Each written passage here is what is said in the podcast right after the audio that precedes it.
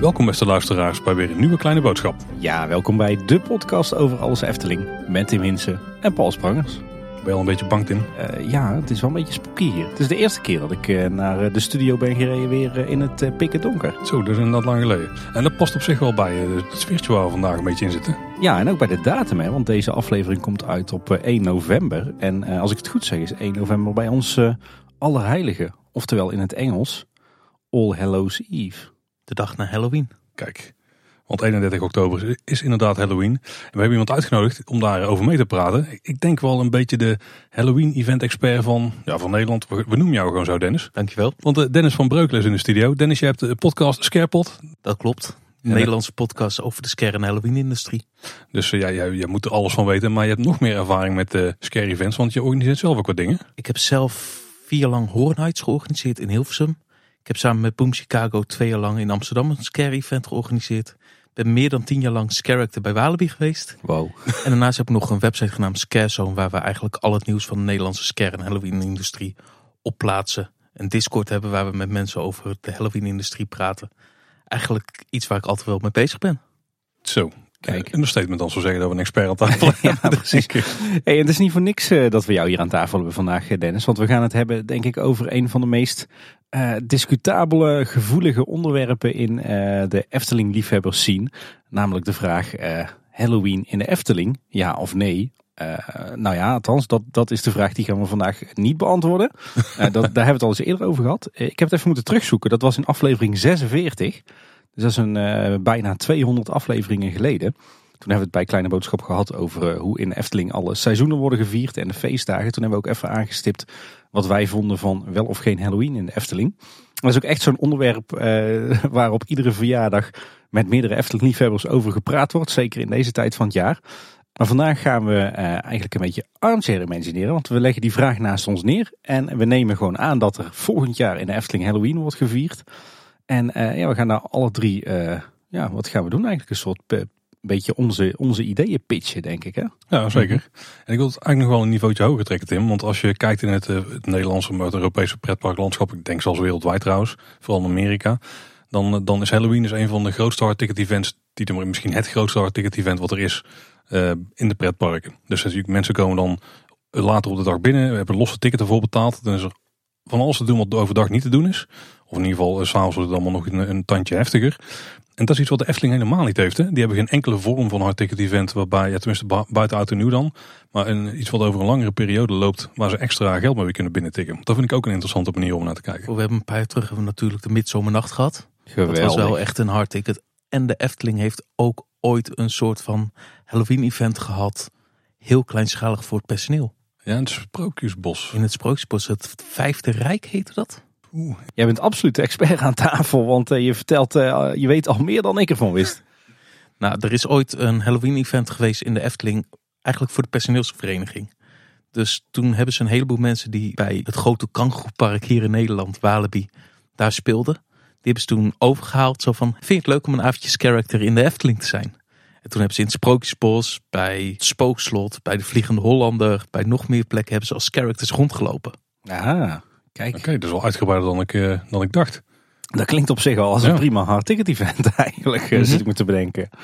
Maar het is inderdaad een interessante manier om naar te kijken, want als de Efteling zoiets gaat organiseren, moet het natuurlijk interessant zijn voor het park ook vanuit je financieel oogpunt. Want als je daar veel mensen in trekt, extra inkomsten en sneller die circusachtbaan op strook krijgt.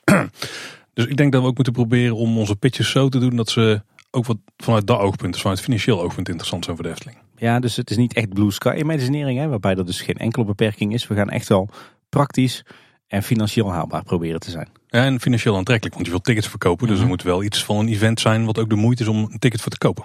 Ja, want dat is wat we vaak horen. Hè? Als mensen de vraag stellen waarom viert de Efteling geen Halloween? Uh, want daar laten ze enorm veel geld liggen, is dan iets wat je hoort. Ja, en Efteling heeft zelf ook geroepen dat Halloween zoals het in veel parken wordt gevierd niet echt bij de Efteling past. En dat is ook een beetje waar denk ik die discussie onder de fans vandaan komt. Ik weet niet of jij het herkent Dennis op verjaardag. Zeker. Ik kan me voorstellen dat ook in de scene dat het daar heel vaak wordt besproken. Van als de Efteling het doet, hoe zou het dan kunnen? Iedereen heeft altijd zoiets van ja de Efteling zal het moeten doen. Maar dan is de vraag ja hoe ga je het combineren met de doelgroep die de Efteling heeft. Dus zeg maar de familiedoelgroep versus de Halloween doelgroep wat vaak de wat oudere mensen zijn. Maar je kent natuurlijk een hoop mensen die ook events organiseren in het wereldje. Eh, Heb jeuken die handen van hun dan ook om iets in de Efteling aan te pakken? Of werkt het niet op die manier? Iedereen eigenlijk. Ja, oké.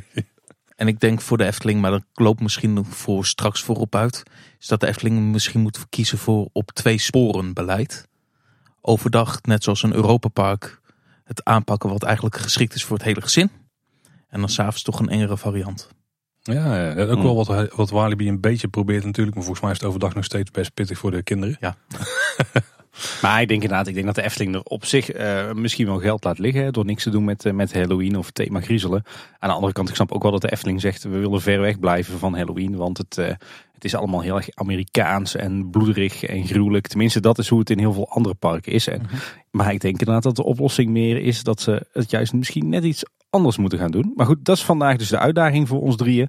Eh, we moeten alle drie een passend Efteling Halloween evenement eh, bedenken en aan de luisteraars pitchen. Maar voor we dat gaan doen, eh, Dennis, misschien is het goed dat jij toch even uitlegt als de expert in Nederland toch wel. Wat is nou eigenlijk Halloween?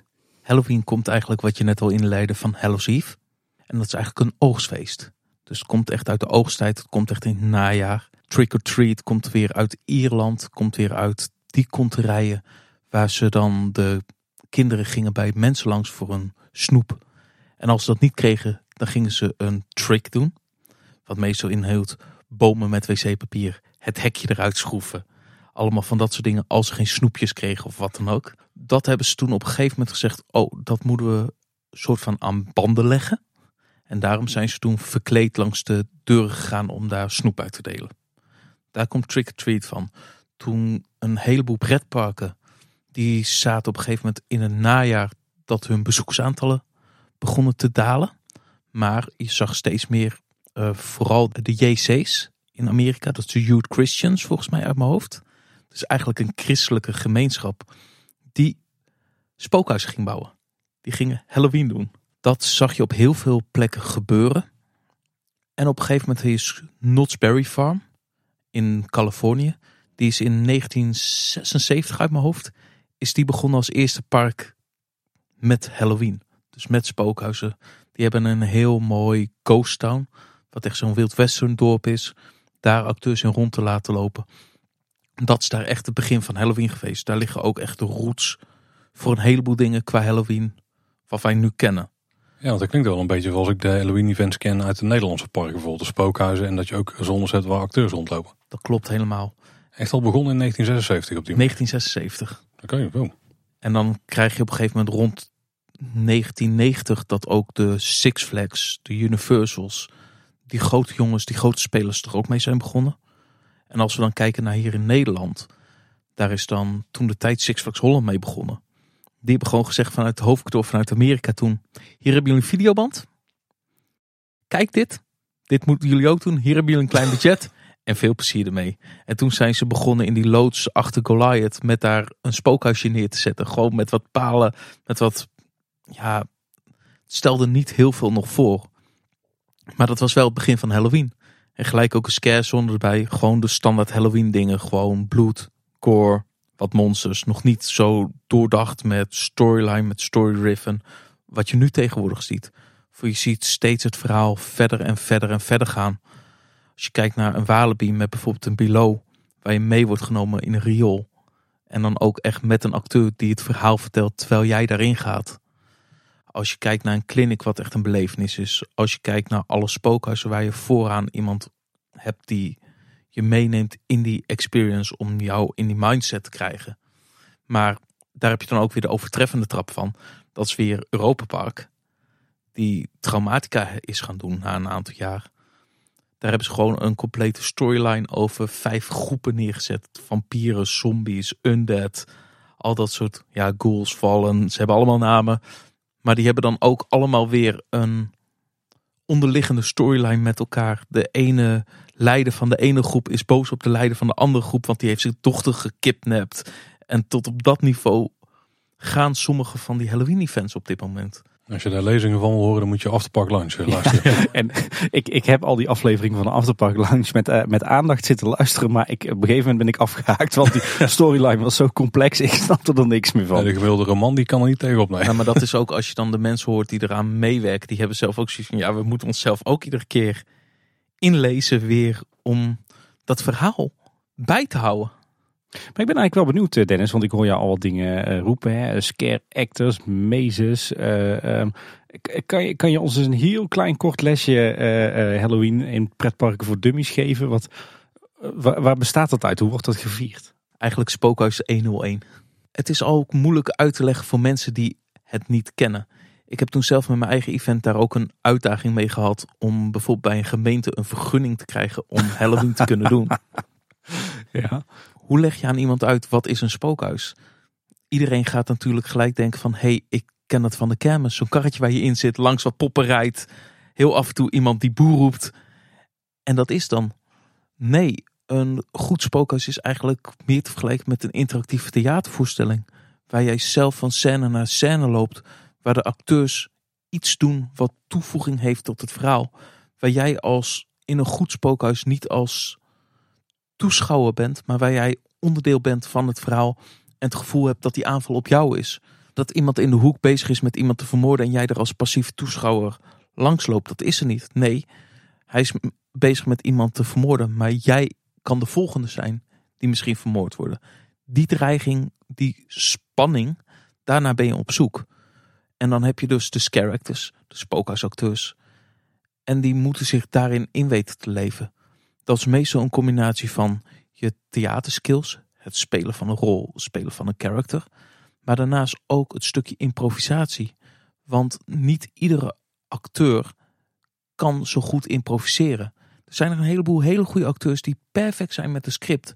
Maar op een moment als ze het script los moeten laten, want je weet nooit wat een bezoeker doet. Dat is lastig. Maar als je dat goed weet te doen, dan ook de timing. Dus jij komt als bezoeker de kamer binnen. Op dat moment heeft die acteur al door. Ah, er lopen daar drie mensen.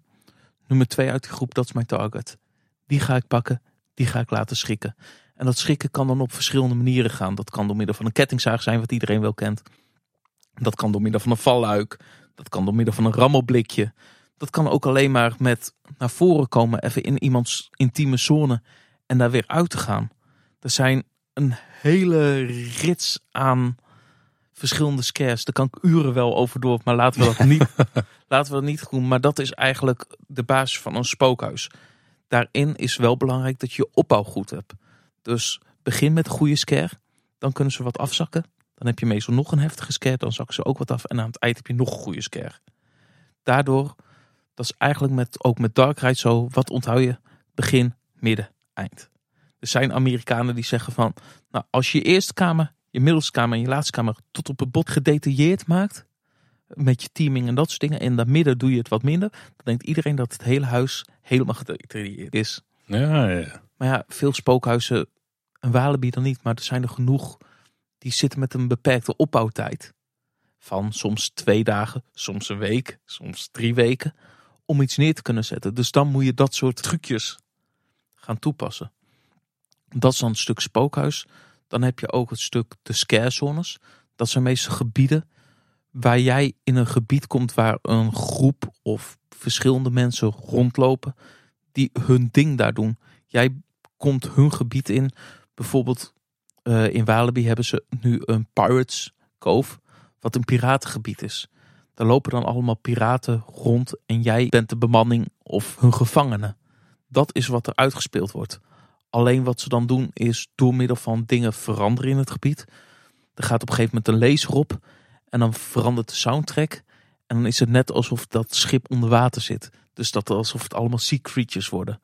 Dat soort dingen kan je allemaal in een scare zone doen. Maar ja, dat is net van, ja, wat voor, wat voor budgetten heb je? Want als je kijkt bijvoorbeeld, ik met mijn eigen evenement, wij spraken over een budget van 10.000 euro om het hele evenement te runnen. Maar dan heb je over houten panelen, heb je over tenten, heb je over griem, heb je over eten, heb je over kostuums, licht, geluid, dat heb je allemaal nodig. Maar als je over een Walibi kijkt, voor 10.000 euro doen zij net een scarezone.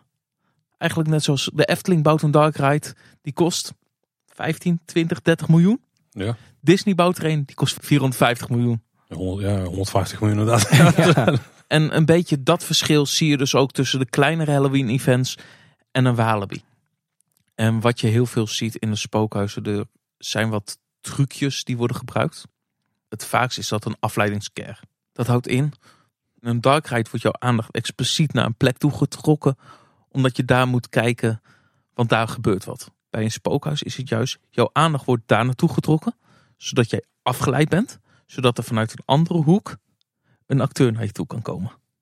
Zodat jij dat schrikmoment gaat krijgen. Ja, ja. En dat zit dan weer het stukje, hoe wordt dat gebouwd, hoe wordt er meegenomen in het ontwerp van zo'n spookhuis. Mini masterclass uh, spookhuis hier, Tim. En je hebt ook nog zoiets als mezes, toch? Ja, mezes en spookhuizen, dat ontloopt elkaar eigenlijk bijna niet. Het is net hoe noemt een event het. De een noemt het Haunted Attraction, de ander noemt het spookhuis, de ander noemt het Hound. Ah. Dat is in Engeland noemen ze het allemaal mazes. Terwijl het in Amerika allemaal hound is. De reden dat het in Engeland een maze is en een scare attraction en niet een haunted house. Is omdat ze in Engeland heel erg zitten met de haunted scene van echt haunted gebouwen. Oh, zit dat En- zo? Daardoor zaten ze op een gegeven moment met van ja, hoe gaan we dat noemen om daar geen verwarring in te komen. Er is namelijk ook ieder jaar in Engeland een grote conferentie waar ik ieder jaar naartoe ga. Waar gewoon een heleboel mensen uit de industrie naartoe gaan om met elkaar gewoon te socializen. Een beetje zoals de IAPA of de EAS voor attracties. Is er dus ook zo'n beurs voor spookhuizen in Europa. En dat is Scarecon in Engeland. En wij zijn zelf bezig met het Scare Event hier in Nederland. Om gewoon op die manier eigenlijk de organisatoren samen te brengen. Zodat je de basiskennis met elkaar kan delen of de ervaring kan delen. Want wat je heel vaak hebt, mensen zeggen van hey, Halloween is niet voor mij. Ja, maar misschien heb je dan niet een Halloween event geprobeerd wat in jouw smaakje valt. Want elk event is anders, is uniek. Als je bijvoorbeeld kijkt in, we hebben dan Walibi. Dat is de grootste speler van Nederland. Maar als je dan kijkt in Almere heb je bijvoorbeeld Scammy. Dat is een heel klein event. En die doet ongeveer 150 man op een avond. Maar die hebben 7, 8 spookhuizen staan. Dan ga je met kleine groepjes doorheen. En daar is dus de ervaring en de storytelling veel intensiever dan een Walibi ooit zou kunnen. Omdat zij 150 man op een avond hebben. Waar Walibi 1250 man per uur door een spookhuis stuurt. Zo. Flink capaciteit trouwens. Ja. En daarmee merk je dus ook een heel verschil. Als je bijvoorbeeld kijkt de Horizon, die zat voorheen in Best. Die is nu dit jaar voor het eerst in de buurt van Roosendaal. Die zijn heel erg story-driven. En hebben dus alle spookhuizen, alles valt in één verhaal. Dat valt in één concept. En zo heeft dus elk event zijn eigen kleine identiteit. Waarvan jij misschien hebt van, oh, dat vind ik wel cool. Dan heb je daarin ook nog het verschil. Hoe ver gaan die events? Dan moet je even uitleggen wat dan de, de, de, de uitersten zijn. Nou ja, de ene uiterste is natuurlijk het hele vriendelijke. Jij bent gewoon passief toeschouwer. Jij kijkt gewoon, jij maakt niet onderdeel uit van het verhaal. Dat is meestal heel goed, heel veilig voor kinderen. Dat is al eng, spannend genoeg. Daar hoeven nog niet echt de harde scares of wat dan ook op te zitten. De andere kant van het uiterste, dat zit in Amerika. Misschien ooit wel eens gehoord van McKinney Manor. Ja, ik ben bang van wel. Daar hebben we tegenwoordig hebben we ook dit soort dingen beginnen nu in Europa te gebeuren. Alleen dan nog net wat minder heftig dan bij McKinney. Daar gaat het bijna richting complete torture, martelpraktijken. Die McKinney is helemaal te ver, wat ik zelf vind. Dat gaat echt zo van alleen maar om de YouTube-video's. Alleen maar om de beelden. Hoe erg breekt iemand terwijl die door zijn experience heen gaat. Het vastbinden, het torturen, het waterboarden, het force feeden van mensen. Dat gaat voor mij echt gewoon te ver. Dat is voor mij Ja. geen Halloween meer. Maar blijkbaar zijn er mensen die daar behoefte aan hebben en zo ver willen gaan. Dus van kijken, hoe ver kan je gaan? Dan heb je daarvoor nog een groep, en dat zie je nu meer in Europa gebeuren. Dat is een groep die zeggen, wij gaan wel ver. Wij trekken je mee. We kunnen je misschien dwingen om wat te eten. Maar wij zullen je nooit fysiek wat aandoen. Dus misschien in de meesleuren dat je ergens last van kan krijgen. Ja, je kan misschien helemaal onder het bloed zitten, allemaal van dat soort dingen. Maar ze zullen je nooit echt martelen of nooit echt pijn doen. Wat wel bijvoorbeeld kan, is als je bijvoorbeeld een blinddoek om hebt en je doet je ogen dicht, dat ze dan een lepel gewoon op een koude lepel op jouw arm zetten en daar water overheen laten. Warm water. Op het moment als je dat doet, dan denk je hersenen, hé, hey, ik word nu gesneden. Ah, oké. Oké, en dit vinden mensen leuk? En dit vinden mensen leuk. Oké. Maar dat is wat ze hier dan doen, is dan wel allemaal in storyline. Dus als ze dat doen, dan heeft dat een reden in een verhaal. Waar dat in Amerika gewoon puur is, kijken of we iemand kunnen breken. Voor mij gaat dat stuk, nee, not my cup of tea. Ja. Iets te veel Maar- Guantanamo Bay. eh. Maar dat is wel zoiets van, ja, als je dan kijkt wat zijn de uitersten in de industrie, dan zijn dit echt de twee uitersten. Ik denk dat we dat, eh dat waterboarden maar niet in een Eftelings Halloween moeten verwerken, toch? Geen strak plannen. Nee, nee, Misschien nee. in de piranha, maar dat is een heel ander verhaal. Hey, ik, wat ik me trouwens ook afvroeg, Dennis. Wat maakt nou in vredesnaam die Halloween-events in, eh, in de pretparken zo populair? Want ik denk dat het misschien nog wel een understatement is. Want ja, Halloween is echt booming eh, in de pretparken. Ja, je ziet steeds sneller dat alle kaartjes heel snel uitverkocht zijn. Dat je er snel bij moet zijn als je bepaalde experiences wil doen. Ik denk dat het komt omdat het voor een heleboel mensen nog onbekend terrein is. Of omdat ze het echt zo ontzettend tof en vet vinden om te beleven. En dan komt het eigenlijk in hetzelfde rijtje als een achtbaan. Want je krijgt diezelfde adrenaline kick van zo'n spookhuis als je dat niet gewend bent. Je krijgt diezelfde adrenaline als je eruit komt van... "Oh, wat heb ik nou weer gezien? Wat heb ik nou weer gedaan? Echt doek, doek, doek, doek. Dat hele stuk, dat roept het net zo op als van een achtbaan voor een heleboel mensen. Ja, ik snap wel, ja. ja. Hey, en wat zijn nou een beetje de parken hier in, eh, in eh, laten we zeggen, West-Europa... die je echt moet zien als je, als je Halloween echt op een eh, hoog kwaliteitsniveau wilt meemaken? Dan zit je toch echt op de Walibi natuurlijk. Moviepark. Maar, daar waarschuw ik je wel. Die hebben een Duitse manier van scaren. Dus waar wij hier in Nederland zeggen we raken mensen niet aan. Dat vinden ze in Moviepark wel. Dus die zullen je meesleuren. Ik heb ze ook wel eens gehad dat ze in je haar aan het knabbelen waren om je gel uit je haar te eten. Allemaal van dat soort dingen. Maar dan zit je gelijk met het cultuurverschil. Ze hebben er ooit eens een keer een field hospitaal neergezet. Waar ze gewoon mensen aan het opereren waren, nep. Alle Duitsers waren gat voor gat voor eh, eh, eh, eng, eng, eng. En als er dan Nederlanders doorheen liepen, ha, ha, ha, dat is grappig. Zo heb je echt cultuurverschillen tussen de landen. Als we dan iets verder zakken in Duitsland, dan heb je Europa Park, Traumatica. Dat is ooit begonnen als Terentie Horror Nights. Maar dat event is echt, dat staat echt heel hoog qua storyline, qua experience, qua alles. Tot op het punt als jij merchandise draagt van een van de vijf groepen die ze hebben. Want het gaat over een post-apocalyptische wereld. En die vijf groepen zijn in een soort van oorlog met elkaar.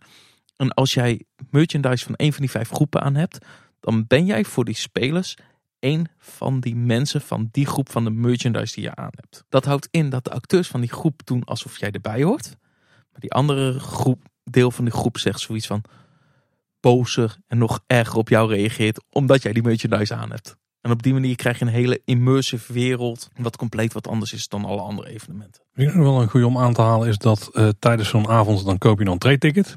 Maar is niet bij alle parken volgens mij zo. Maar bij een aantal parken dan moet je ook nog losse tickets voor de huizen kopen. Hangt helemaal af van het evenement. Traumatica is bij Europa Park, dat is op een stuk afgesloten terrein naast Poseidon. En daar koop je gewoon een los ticket en daar zit alles bij in. Dan kan je wel een polsbandje kopen om alles via een versnelde ingang te kunnen doen. Maar bijvoorbeeld Walibi, het park is gewoon de hele dag open. Dat park wordt niet geveegd. Maar wil jij de spookhuizen in, dan heb je losse kaartjes nodig voor de spookhuizen. Moviepark was eerst, alle spookhuizen zitten erin. Tegenwoordig moet je ook betalen voor de spookhuizen. En zo zie je steeds meer parken die zeggen van... hey, als je die spookhuis, die extra ervaringen wil doen... dan heb je een los ticket nodig. En jij zegt net, eh, Walibi, Moviepark en Europa Park zijn de drie aanraders. Eh, als je nou net als Paul en ik eh, jonge kinderen hebt, nou zijn die van ons gewoon heel jong, dus ik denk dat die op niet veel plekken terecht kunnen. Maar wat, wat zijn aanraders voor gezinnen met kinderen? Dan kan je bijvoorbeeld naar Hellendoorn gaan. Daar hebben ze Hexendoorn. Wat echt een leuke, kindvriendelijke Halloween is. Je hebt Dipidoe, die doet ook kindvriendelijk Halloween. Serieus? Oké. Eh, je hebt nog eh Drauner Zand. Ook redelijk boven in Drenthe. Die doet ook overdag kindvriendelijk en s'avonds scary Halloween. Uh, Toverland, Walibi doen ook overdag allebei kindvriendelijk Halloween. En s'avonds wordt dan scary. Ik zit me net te bedenken, volgens mij ben jij in, in okto na oktober, november, dan heb jij gewoon een burn-out van en je eigen scare events runnen en, en al die parken in Nederland, België, Duitsland eh, afrennen, want je moet alles nog een keer weer gezien hebben. Ja, ik heb een planning voor dit jaar ongeveer van 20, 24 events. En die planning begint in september en die eindigt half november. Zo. Kijk, hoe ver wij gaan in onze liefde voor de Efteling, zo ver ga jij in jouw liefde voor Halloween. Dat is eh, wel duidelijk. Misschien is het al een soort baseline even goed om te kijken wat we zelf nou met Halloween hebben. Nou hebben we daar van jou al vrij uitgebreid gehoord Dennis, maar eh, misschien heb je daar daar nog wat toevoeging op. Ik ben eigenlijk wel benieuwd bij ons Tim. Wat heb jij met Halloween? Ja, nou ja, ik, ik ga dan iets breder trekken. eh, want als het, als het er puur om gaat, wat heb ik met Halloween, dan heb ik niet zo heel veel te vertellen. Eh, ik trek nog wat breder naar, wat heb ik, ik met griezelen. Ik moet zeggen, ben als kind ben ik altijd wel echt een enorme griezelfan geweest. Ik verslond de boeken van, eh, van Paul van Loon onder andere en zijn collega's. Ben ook eh, heel lang lid geweest van eh, de Griezel Fanclub was dat volgens mij. Ik heb al die griezelkranten thuis nog in, eh, in staan. Maar dat was echt van het niveau eh vampiers, weerwolven, heksen, spoken. Een beetje dat, eh, dat genre, zeg maar. Ik, ik keek als kind ook al samen met mijn moeder ontzettend graag allerhande horrorfilms. Die vaak nog niet eens geschikt waren voor mijn leeftijd. Maar ja, mijn moeder was ook een enorme griezelfan. Dus als kind was ik echt wel van het griezelen. Ik moet zeggen, als tiener heb ik wel een beetje de, de, de Halloween in pretparkenboot gemist. Eh, lag eigenlijk niet zozeer aan mezelf, denk ik. Want ja, ik, ik was altijd een, een grote eh, griezel- en horrorfan. En ik denk dat ik het ook echt serieus leuk had gevonden. Alleen eh, in mijn vriendengroep was op dat moment echt niemand te porren voor Halloween in de parken. Nou, mijn, mijn, destijds mijn vriendin Anne en mijn vrouw Anne, die, die lijkt het misschien best wel leuk. Maar die is dan doodsbang op dat soort events, dus die kreeg ik ook niet mee. Ja, en inmiddels eh, zijn we een heel aantal jaar verder en eh, hebben we kleine kinderen. Ja, dan ga je ook niet meer heel oktober eh, heel Nederland, België, Duitsland afrijden in de nachtelijke uurtjes. Dat is dan ook geen optie meer. Dus ik denk dat ik die boot echt wel gemist heb, jammer genoeg. Wat niet is, kan nog altijd komen. Ja, nou eh, misschien inderdaad tegen de tijd dat de kinderen wat ouder zijn. Als ik hen wel enthousiast krijg, dan zie ik me wel als de, de papa die met, eh, met de twee meiden die horror-events eh, gaat aflopen. Ja, dat is zeker nog wel een optie. Ja, wat, wat ik wel heb dat nu nog steeds is dat ik wel graag nog eens een, een horrorboek lees. Ik ben dol op de boeken van Thomas Oldeheuvel bijvoorbeeld. Maar ook eens geregeld een, een horrorserietje op Netflix.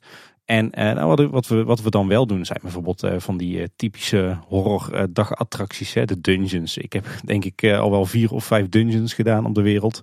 Maar bijvoorbeeld ook in Edinburgh en in Londen heel veel spooktours gedaan. En de Real Mary King's Close. En nou ja, dus ik, ik heb wel wat met, met, met griezelen en horror nog steeds.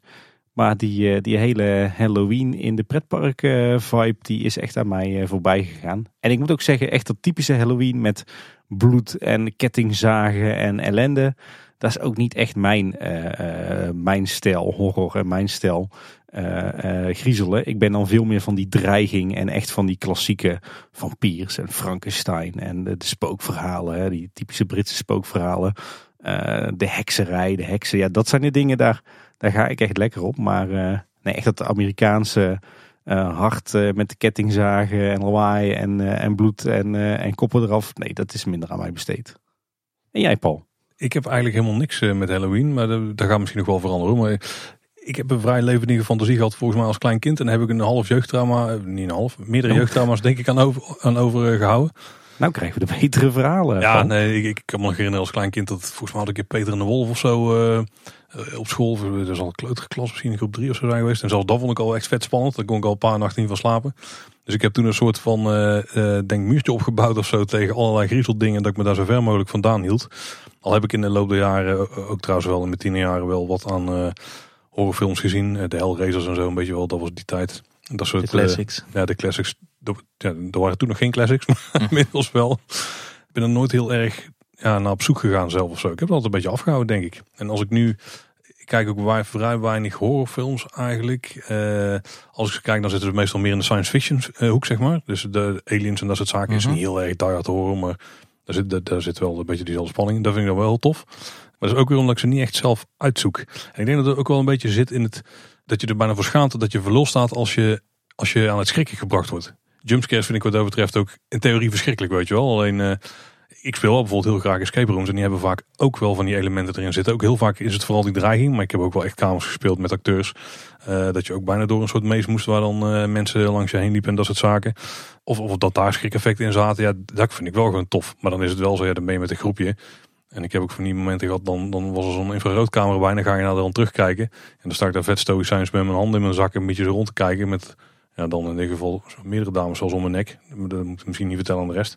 Ja, ik, ik weet niet, ik vind het dan niet eng of zo, maar er zit wel ergens een soort, soort dingetje in. Ik denk dat er wel meer mensen zijn die dat hebben. Dat het feit dat ze schrikken en dat ze daarmee denken voor lul te staan, dat dat hun tegenhoudt om naar die events te gaan. Ik denk dat er bij mij ook wel ergens in zit. Dat zou kunnen. Dat hoor je wel van meerdere. Maar je hoort zelfs zo erg. Ik ken een heleboel scare actors die zelf doodsbang zijn. Die echt schrikken om niks of het spookhuis niet in willen. Maar wel echt het acteren echt helemaal geweldig vinden. Ja. Dus dan is het echt compleet. Maar als je dan zegt, kom, we gaan achteraf nog even een spookhuis doen. Nee, doe ik niet. Ja, ik heb dus ook een vriend en die, die gaat dan ook vaak mee naar de escape rooms. En die vindt dan niks eng, want die staat gewoon overal te kijken van... Oh, hebben ze de lamp hier aangesloten? Oh, daar hebben ze mooi weggewerkt. die staat er echt zo naar te kijken, heel technisch. Een beetje zoals wij pretparken beleven, zeg maar. Ja, Ja, maar zo loop ik ook zelf door de spookhuizen heen. ja dat kan ik me ook wel voorstellen En. Ja. ik probeer dan wel, zeg maar, die knop voor jezelf om te zetten.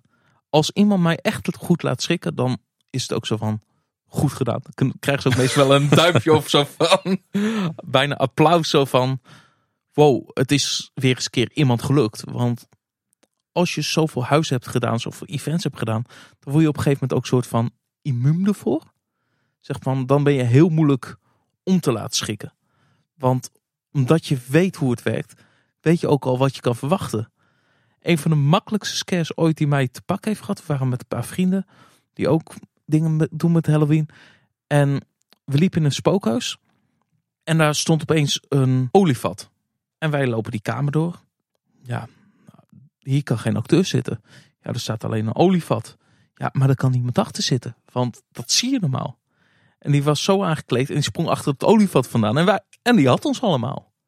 En dat is dan zo makkelijk omdat je daardoor misdirected bent. Waardoor je zeg niet verwacht dat dit kan gebeuren. Dat je nog wel schikt en dat je zoiets zo... "Huh? Wat was dat? Dat is iets, ja, iedereen in zo'n spookhuis reageert op een andere manier. Je hebt mensen voorin de groep, dat noemen ze meestal de steen van de groep. Dat zeg maar de rots waar de hele groep aan hangt. Maar voor de acteurs is dat de moeilijkste om te laten schikken. Maar op het moment als jij die steen kan laten schikken, dan heb je de hele groep. Dan is namelijk hun veilige haven weg. En zo heb je nog meer van dat soort karakteristieken in de groep zitten van bepaalde type gasten die op bepaalde type reageren. En dan kan je nog over veiligheid, maar laten we dat allemaal niet doen. Ik zit in het gedenken dat als ik wel ergens met griezelen te maken heb gehad, dan is dat denk ik toch in de Efteling geweest. Want de Efteling heeft natuurlijk wel een paar donkere randjes. Het spookslot is daar het meest duidelijke voorbeeld van. Eh, maar ook als kleinkind Fata Morgana heeft de, dat Ja. beklemmende sfeertje ook echt wel. In het Sprookjesbos zijn ook echt wel een aantal sprookjes die, eh, die vrij spannend zijn. Ja, ja, om maar iets te noemen, ja. Een steeltje van de stiefmoeder van eh Sneeuwwitje. Dat is dan niet echt uit mijn jeugd, maar ik snap wat je bedoelt. Ja. Draaklicht geraakt, denk ik ook bij heel veel kinderen nog eh, eh, een trauma. En de boze vee die zit te spinnen, boven Ja. bij Door een Roosje. Dus er zijn tot elementen in Efteling die dat wel hebben. En daar, eh, daar ging natuurlijk wel heel erg van als kind. Ik ging al vrij vroeg in het spookslot, dat ik me kan herinneren. Eh, ook omdat het een van de dingen was waar we in konden, natuurlijk in die tijd. Dus daar zit het wel ja. En, en ja, Halloween events, ik ben er nog nooit geweest. Maar wa- wat ik wel altijd heel erg tof vind, ook als ik jou over praten Dennis, maar ook als ik eh, eh, Pieter en Pris er doorheen eh, eh, zie lopen. Of eh, als ik Danny daar, eh, ja, dat, zie daar zo aan om zitten bijvoorbeeld. Ja. De creativiteit die erin zit, die vind ik altijd wel heel vet. En ook steeds weer proberen nieuwe dingen te verzinnen. En de, ik vind dat Dwalenbied er ook echt wel heel goed laat zien. Eh, met dit jaar hebben ze bijvoorbeeld, het is al geweest inmiddels als je dit hoort. Maar het, is nog niet, het heeft nog niet plaatsgevonden terwijl we zitten opnemen. Maar die, die hebben nou weer een scare diner volgens mij. Dat is volgens mij voor het eerst. En ook dat je dus kunt overnachten in een huisje. En dat je dan heel de, ja, heel de nacht wakker gehouden wordt, denk ik. Maar Ja, ze hebben voor dat huisje, we hebben tijdens de opbouw al wat foto's langs zien komen. Onder de afvoer, daar hebben ze een luchthoorn gemonteerd. Ze hebben onder het bed hebben ze dingen lopen monteren. Om zo extra schrikmomenten in de nacht te kunnen geven. Jeetje mina. eh, dat trekt me echt helemaal niet. Maar ik vind de creativiteit die er erbij hoort, vind ik, die erbij komt kijken, vind ik echt wel tof. Dat kan Ja. ik echt heel erg waarderen aan, eh, aan Halloween. Ja, ik moet zeggen, ik, ik heb zelf ook nog nooit een Halloween event in een eh, pretpark bijgewoond. Jammer genoeg. Ik heb er nog niemand voor kunnen strikken. Maar eh, ik volg het wel op de voet. Ik luister wel echt alle podcasts van eh, alle verschillende pretpark podcasts die over Halloween gaan. Ik kijk de foto's. Ik, ik, ik volg de vlogs. Dus dat is eigenlijk wel heel raar. Ik wil, ik wil er wel alles van weten, maar ik ben er zelf nog nooit geweest. Ja, en dan zie je ook wel heel erg de verschil in stijlen tussen de verschillende parken. Als je bijvoorbeeld kijkt, een Walibi, dat is echt dat hardcore Amerikaanse stijl. Gewoon bloed, storyline, gaan, knallen. Clown. Ja, maar als je dan... De goffe clown. Maar als je dan kijkt naar bijvoorbeeld een toverland, die zit meer op de magische wezensachtige Halloween. Die zit meer op uh, bosheksen. Die zit meer op Frozen Souls, op wat meer magische wezens op een enge manier, wat binnen hun wereld van toveren past, dan het bloederige wat Walibi heeft. En zo hebben alle evenementen zeg maar hun eigen identiteit. Ja, heeft denk ik ook wel wat met het doelgroep van die parken te maken natuurlijk. Ja, maar als je met Halloween in een toverland loopt, ik denk dat daar ook de leeftijd ongeveer hetzelfde is als bij een Walibi. Oké. Nou, ik denk dat het wel goed is dat, die, uh, dat ze al een eigen identiteit hebben. Want dan is het ook aantrekkelijker om naar die verschillende evenementen te gaan. Ja, Als je overal uh, de, de hardcore Amerikaanse variant wil hebben, dan denk ik dat Walibi, die krijg, die krijg nu ook al de meeste bezoekers. Maar daar zou nog steeds iedereen daarheen trekken. Want dat is dan toch top of de bill uh, op dat vlak. Ja. En nu kun je een ander smaakje kun je ergens anders krijgen. Maar ja, Walibi is ook de eerste die ermee begonnen is rond 2000 hier in Nederland. Want daarvoor hadden we eigenlijk nog geen Halloween hier. Daarvoor gebeurde het eigenlijk nog niet. En Walibi is heel lang de enige geweest. Toverland heeft wel heel snel al meegedaan met heel klein Halloween, al jaren. En dat is de laatste paar jaren echt steeds groter en groter geworden. Maar een Hellendoorn, die heeft jarenlang deden ze bijvoorbeeld een Heksendoorn. Wat echt alleen op kinderen gericht is. En nu doen ze s'avonds een Screams erbij. Wat dus op een aantal avonden een volwassene variant is. En blijkbaar trekt het wel nog steeds aan en nog steeds mensen. Voor het aantal events wordt ieder jaar groter en groter. Ja, een beetje daar een idee bij te krijgen. Uh, hoeveel avonden doen de meeste parken zo'n event? De meeste parken zitten wel tussen de 6 à 9 avonden. Sommige gaan richting de 12, 13 avonden. Zijn er ook bij die gewoon, als je dan kijkt naar kleinere events, die dan drie weekenden doen. Of zelfs gewoon één weekend, drie dagen. Okay. Wat is het dan? Zo. En Walibi zit dan aan de 12 of zit die dan nog hoger? Uh, die zit ongeveer om de 12. Oké, okay. nou, daar valt me eigenlijk voor mee. De, ja, inderdaad. In de Verenigde Staten hoor je altijd, het Halloween seizoen begint in augustus. En die parken die zijn natuurlijk super druk, dus die, dat is dan volgens mij iedere avond bijna zelfs. Maar als je dan kijkt, in augustus begint Disney ermee. Disney heeft een Not So Scary Halloween Party. En dat houdt in, jij mag als bezoeker bij binnenkomst krijg je een tasje. Dan mag je langs verschillende punten waar characters staan om te trick-and-treaten. De attracties zijn open. En speciale characters staan dan in een, in een Halloween kostuum. Met een speciale parade en een speciale vuurwerkshow. Die beginnen meestal al in augustus. En dan half september beginnen de Busch Gardens, de Universals. Tegenwoordig ook SeaWorld. Beginnen met Halloween. En dat gaat dan tot en met oktober. Eind oktober. November doen ze niet meer. Hier in Nederland merk je wel, als je aan een standaard persoon vraagt wanneer is Halloween? Dan zegt iemand ja, ergens in oktober. 9 van de 10 Nederlanders weet niet wanneer Halloween is. Die weet niet dat het 31 oktober is. Ik dacht dus 1 november. Daardoor is het voor events hier in Nederland, zie je ook dat er een heleboel zijn die zeggen, nou wij draaien gewoon in september. Want het land is zo klein. Want wat dan gebeurt is de acteurs die dan in september bij event A spelen, die spelen in oktober, spelen ze bij Walibi. En dan is er soms nog een event wat in november draait en dan gaan ze dan daar naartoe. Ja, slim. Een vriendin van ons die heeft op een gegeven moment hier in Nederland en omstreek het voor elkaar gekregen om uit mijn hoofd dacht ik 23 weken achter één stuk door te scaren. Hè? 23 weken? Dan, dan ben je wel echt een diehard. Ja, uh, Halloween, Ja, maar eh, gewoon evenementen die draaiden, spooktochten. eh, zelfs in de zomer he- heb je hier in Nederland soms van die Halloween events of spooktochten. Of Ja. dat soort Ja, ja. dingen. Voor dat is iets wat denk ik het meest dichtbij staat hier voor een heleboel mensen. Dat ze op een camping wel eens een Ja. keer een spooktocht hebben gedaan. Ja, zeker. Zit er inderdaad wel een beetje ja, bij uh, de Nederlanders wat dat betreft. Hey eh, Dennis, voordat we onze ideeën gaan pitchen. Hè, Paul en ik hebben het nu eh, een klein beetje toegelicht wat wij met eh, griezelen en horror en Halloween hebben. Of niet. Eh, eh, nou, van jou weten we inmiddels al wel dat jij Mr. Halloween bent hier in Nederland. Maar, maar, maar hoe kwam dat bij jou dan? Hoe ben jij zo'n Halloween eh, liefhebber en, eh, en expert geworden? Nou, dan ga ik jullie eerst wat vertellen wat eigenlijk niet veel mensen weten van mij. Kijk, primeurtjes mooi. Ja, En is dat ik vroeger eigenlijk niet eens de spookhuizen in durfde op de kermis. Dat ik daar eigenlijk altijd doodsbang voor was. En nooit eigenlijk erin ging en durfde. Alleen wel altijd een pretpark fan ben geweest. Dus ik had al van jongs af aan een Walibi abonnement. Walibi Flevo toen de tijd. Later Six Flags en tegelijkertijd toen ook een Efteling abonnement. Dus ik kwam in beide parken Kijk. redelijk veel. En ja, ik heb nog wel dagen gehad in de begintijd van Walibi dat je dan tot zes uur s avonds, lang leven de studenten-OV, zes uur s avonds of vijf uur s avonds hier in de Efteling zat. En dan doorging naar Walibi om daar nog Halloween mee te pakken op de avond. Want ja, dat park was toch tot tien open toen nog. En Halloween begon om zes uur.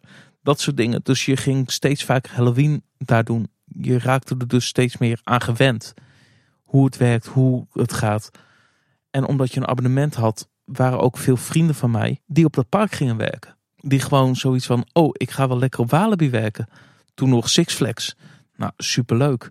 Op een gegeven moment hadden ze dus een paar van mijn vrienden die werkten al bij attracties, maar die waren van attracties afgehaald om in de tijd van Dr. Shock, dus dan heb ik ongeveer 2005, 2006 nog voor Eddie de Clown, dat die de website van de Halloween Fright gingen bouwen. Alleen dat waren meer vormgevers dan softwareontwikkelaars, dan programmeurs. Ik ben zelf van naast mijn liefhebberij voor Halloween ben ik zelf softwareontwikkelaar. En die waren wat aan het bouwen op de website en die kwamen er niet uit. Dus toen was het zo van, hey Dennis, kan je alsjeblieft meehelpen? Dus toen ben ik mee gaan helpen aan de Nights website. dus met de spelletjes van Dr. Shock, met de puzzeltjes die we in die website hebben gestopt. Dat soort dingen, die heb ik toen de tijd gebouwd. En het helemaal aan elkaar kloppende maken.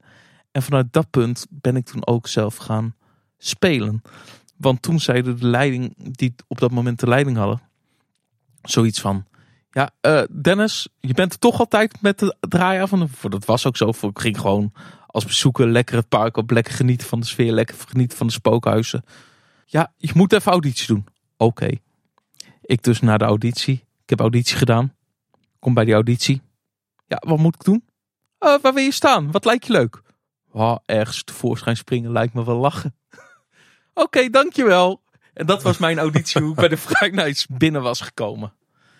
En eigenlijk toen nooit meer weggegaan daar doordat ik die website bouwde, heb ik ook in die tijd heel veel meegekregen van het proces. Hoe ze die spookhuizen daar ontworpen. Wat voor moodboards er werden gemaakt. Wat voor plattegronden daar af en toe over mee kunnen denken, zeg maar. Als je dan weer wat zag, dan mocht je als je mening meegeven. En op die manier heb ik heel veel geleerd over hoe ze het daar bij Walibi deden. En daarnaast altijd alles in Amerika in de gaten houden. Ook een paar keer naar Amerika geweest om daar Halloween te doen. Ik wil het nog heel graag in Nots een keer bezoeken. Want ja, dat is de plek waar het allemaal gestart is. Maar ook heel veel losse Halloween events. Zeg maar, ze hebben daar gewoon plekken, dat zijn gigantische loodsen. En daar heb je gewoon vier of vijf spookhuizen in een lood staan. En dan komen dan 20, 30.000 man op een weekend op af. Zo. Voor in Amerika is Halloween de op één na grootste feestdag qua omzet. Jeetje. Na kerst. Zo. Maar wel, maar, maar, maar wel grappig, want ik dacht dus altijd dat bij jou, uh, de, de, ja, gewoon dat het zeg maar jouw liefde voor uh, Halloween in pretparken, dat het echt vanwege jou uh, liefde voor griezelen en horror kwam. Maar het heeft dus echt bij jou de oorsprong gevonden in de pretparken. Het heeft bij mij echt de oorsprong gevonden in de pretparken. Ik vond een horrorfilm daarentegen altijd wel leuk. Ik heb altijd de kippenvelboeken gelezen. Altijd Paul van Loon ook altijd gelezen. Dat wel altijd. Maar die oorsprong komt echt door Walibi door Six toen de tijd. ik moet zeggen dat jij vertelt van dat je dus mensen hebt die super bang denken te zijn, maar dan toch een keer meegaan naar zo'n Halloween event. Die, komen de vrouwen altijd enthousiast van terug. Ja. Dus ja, het is niks om mij tegenhouden. Ik heb wel een beetje hetzelfde gehad in dat ik op dit moment niet helemaal, ja dan moet, dan moet ik gewoon kinderen even ergens afdroppen. Misschien moeten we samen maar een keer gaan. Ja, precies. De vrouwen, ik weet niet hoe jouw vrouw eh, zit in het, uh, het nou, Die geeft er helemaal niks om, dat weet ik wel. maar, het is net zoals mensen die zeggen van ik hou niet van theater. Ja, dat ben ik ook. Ja, maar het, een, een Halloween-event moet je eigenlijk zien bijna, nu een beetje misschien te poëtisch, bijna als kunstvorm. Want het is eigenlijk gewoon interactief theater wat je aan het kijken bent. Nou ja, pitch in het begin van hoe wat een spookhuis was. Uh, goed spookhuis, dus, hè, dus dat je mee wordt genomen in een verhaal dat het echt dat het immersive aspect eraan dat dat heel belangrijk is. Ja, dat trekt me wel heel erg. Ja, dat sluit natuurlijk naadloos aan bij onze voorliefde voor eigenlijk uh, dark rides, maar eigenlijk gewoon goede pretparkattracties in de algemene ja, zin. Ja, zeker. Ja, alleen loop je er nu zelf doorheen in plaats van dat je in een bakje zit en heb je geen animatronics staan, maar heb je acteurs staan. Maar als jij Paul en mij zou moeten adviseren, wij moeten naar één Halloween event in, uh, in pretparkland in West-Europa en dat, dat haalt ons meteen, uh, dat overtuigt ons meteen. Wat zou dat dan zijn? Oeh, dat is een moeilijke. Ik kan wel voor het standaard antwoord wat iedereen geeft Walibi gaan. Maar als je dat doet, dan moet je dat wel gelijk op een goede dag doen. Dus niet zoals wat je af en toe hoort. Walibi heeft af en toe van die horrorverhalen van dat het te druk kan zijn. Aha. Zeg Ja. maar, voor, als je Walibi doet, doe dat dan op een zondag of op een donderdag. Probeer de vrijdag en zaterdag zoveel mogelijk te vermijden. Want dan is het een stuk rustiger. Ik zou zelf eerder naar bijvoorbeeld een Traumatica gaan bij Europa Park. Maar daarbij wel luister eerst Afterpark Lounge. Ja, drie keer of zo. Eerst gewoon drie studies doen voordat je eh, traumatica kan begrijpen. Ja, maar ik heb dit jaar ook weer een vriend van mij meegenomen voor de allereerste keer naar Traumatica. En ook van tevoren gezegd, onderweg laat ik je dit even horen. Want als jij die backstory niet weet, ja, dan heb je wel zoiets van, oh, dit is tof. Maar je mist zoveel van het evenement. Je mist zoveel van die kleine details die erin zitten. Dat je opeens iemand van een andere groep in een ander huis hebt zitten. Als je de storyline hebt gevolgd, weet je waarom die persoon daar zit. Als je die storyline niet volgt, dan heb je zoiets van: hé, hey, waarom staat hier een verkeerde acteur? Ja, ja. Want dat past niet bij elkaar. Nee. Of als je wat rustiger wil beginnen, een Toverland bijvoorbeeld. Die heeft vooral veel scare zones. Die hebben vorig jaar hun eerste spookhuis geopend. En dat is ook gewoon qua Halloween echt een hele toffe ervaring. Ook met de griem en met de kostuums. Daar pakken zij heel erg op uit. Klinkt goed. Misschien dan toch Toverland voor Ja. Toverland spreekt me ook wel. Ja, Ja. ja, ja. Hey mannen, eh, eh, zoals het gebruikelijk is bij Kleine Boodschap hebben we een inleiding van, eh, nou wat zal het zijn, drie kwartier. Maar eh, laten we langzaam maar zeker eens richting eh, het hoofdonderwerp gaan van deze aflevering. Ja, we hebben elkaar eigenlijk de uitdaging gegeven, verzin het ideale Halloween event voor de Efteling. Ja, dat is tijd om te gaan pitchen, Tim. Ja Paul, zullen we dan met jou eh, beginnen? Ja, dat is goed. Ja, ik weet niet of dat het een compleet coherent eh, evenement is geworden bij mij. Maar ik heb in ieder geval een hoop eh, losse vlodders opgeschreven. Die ik, ehm, ja, een korte brainstorm die bij mij boven kwamen. Ik heb ook even zitten denken van wat is het publiek wat je als Efteling wil trekken. Dus stel de Efteling zou echt een, een Walibi-achtig evenement doen. Zou je dan ook hetzelfde publiek trekken? Ja, ik denk dat dat dus wel meevalt. Omdat de Efteling qua uitstraling van zichzelf dat al niet echt heeft. Ik denk dat ze de, de mensen die naar Walibi gaan, dat je daar maar een heel klein deel van naar de Efteling gaat krijgen. Tenzij het echt na jaren zo'n grote naam opbouwt, maar dat- dan zijn we ver in de toekomst. Kijk, een Efteling die, die, die heeft een, nu al een brede aantrekkingskracht. Dus Mhm. de families, ja, dat is wel hetgene waar je op moet richten. En dan mag het echt wel wat spannender worden eh, in de avond. Ik kan bijna niet geloven dat ik het ga zeggen, maar ik denk dat de Efteling ook best wel interessante dingen kan doen met de shows eh, rondom Halloween. Omdat jou nou ooit nog te horen zeggen Ja, Paul, dat ja, verbaast ja, mij. Ja, inderdaad. Eh, maar daar kom ik daar nog wel, wel een beetje op terug. En, en wat dan denk ik niet bij de Efteling past, daar zijn dus dingen waar jij ook een beetje de schrik van eh, had, Tim. eh, of een beetje, weet je wel, de Amerikaanse horrorzaken. dus de eh, bloed, gore, eh, de, de afgehakte hoofden, ledematen en dat soort eh, eh, zaken. Hoe nep ze ook zijn, of hoe echt ze soms af en toe ook mogen lijken. Misschien, ik weet het niet.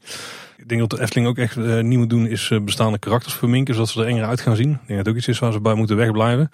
Eh, en ik denk dat wat bij de Efteling ook niet per se past, is het volop inzetten op jumpscares. Eh misschien is het ook een beetje mijn eh, naïeve blik op eh, hoe ik het bij andere parken eh, zie. Maar je praat net ook over de scares, weet je wel. Hè? Mensen eh, laten schrikken. Zijn toch vaak de jumpscare-achtige zaken. Meestal wel. Dennis mag het bevestigen, ja zeker. Ja. Wat ik wel denk wat de Efteling heel erg goed zou kunnen is ehm, de, de duistere randjes die het park al heeft, om die verder uit te buiten. Dus die verder uit te diepen. Dus ook heel erg inzetten op de sfeer en proberen op een paar punten zo'n heel beklemmende sfeer te krijgen. Daar herken ik dan ook heel erg uit die escape rooms. Ik denk dat de Efteling ook wel een paar plekken heeft waar ze dat prima zouden kunnen doen. En ik denk dat, eh, maar dat is meer een beetje de standaard Halloween gedachte, dat ze dus wel iets moeten gaan aanbieden wat bovenop een, een eh, standaard dagje Efteling ligt. Wat echt een, een verdieping geeft aan het dagje Efteling. En dat je dan dingen doet die normaal gesproken niet zouden kunnen tijdens een eh, reguliere dag. Ook omdat de capaciteit normaal gesproken niet toereikend zou zijn. Dus je zegt een hard avondticket. Denk het wel, ja. Alleen toen jij net zat te vertellen hoe ze het bij, bij eh, Walibi deden, dat kan ook wel werken. Ehm, maar niet alles wat ik eh, op mijn lijstje heb staan, dat zou in, die, in dat concept passen, denk ik. Dus een hard ticket zou dan wel beter zijn, ja. Al heeft Efteling er niet echt goede ervaring mee de afgelopen jaren, maar dat terzijde. Kwestie van gewoon een goed eh, concept uitwerken, Paul. Zeker, maar ik heb het ook bijvoorbeeld over de avondopenstelling tijdens corona. Eh, die niet zo heel erg lekker waren geregeld, volgens mij met schoonvegen en bandjes en om een hoop gedoe. Maar, maar dat terzijde, daar gaan we het nu niet over hebben. Ik, ik denk dat een hard ticket event, daar gaan we ervan uit dat het goed gaat lukken. Park om een uur of eh, vijf, zes dicht en eh, daarna mag je weer in of iedereen moet naar, naar vaste plek zoals bij het zomer, uh, Midsomer Festival ging. Met zo'n nacht inderdaad, ja. Volgens mij met de auto nieuw ook. Ja, dan gaat iedereen, die ging in dag geval naar het speelweide en dan vanuit daar kon het park weer open. Dus dan hoef je niet het park uit Nou, dat, zoiets zal het worden. Maar er zijn details, daar hebben we eigenlijk niet eens heel erg mee bezig gehouden. Ik eh, denk dat de Efteling eh, een paar dingen wel eh, zou kunnen doen. Ehm, ik wil bij eentje niet al te veel gras voor de voeten wegmaaien, want ik vermoed dat, dat jullie die zelf ook wel hebben. Eh, maar ik denk dat meet and greets wel een interessant onderdeel kunnen zijn van het geheel. Een paar heel erg voor de hand liggende ehm, figuren zijn om te ontmoeten is bijvoorbeeld een Hugo. Ja. Die, daar zit echt wel een duister randje natuurlijk aan Villa Volta. Nou, we maken een zijingang bij eh, Villa Volta aan de linkerkant van het gebouw. We gaan het gebouw zelf natuurlijk niet in. Maar daar eh, loop je via een paar gangen waardoor je gedesoriënteerd bent. Dan kom je naar de huiskamer van Hugo. En dan kun jij met Hugo een meet and greet foto maken. Er zit misschien een special effect op de foto, et cetera. Je kent dat wel. En dat er misschien nog iets, iets gebeurt. Zoiets. Ik denk dat dat bij de Efteling best wel aardig zou passen.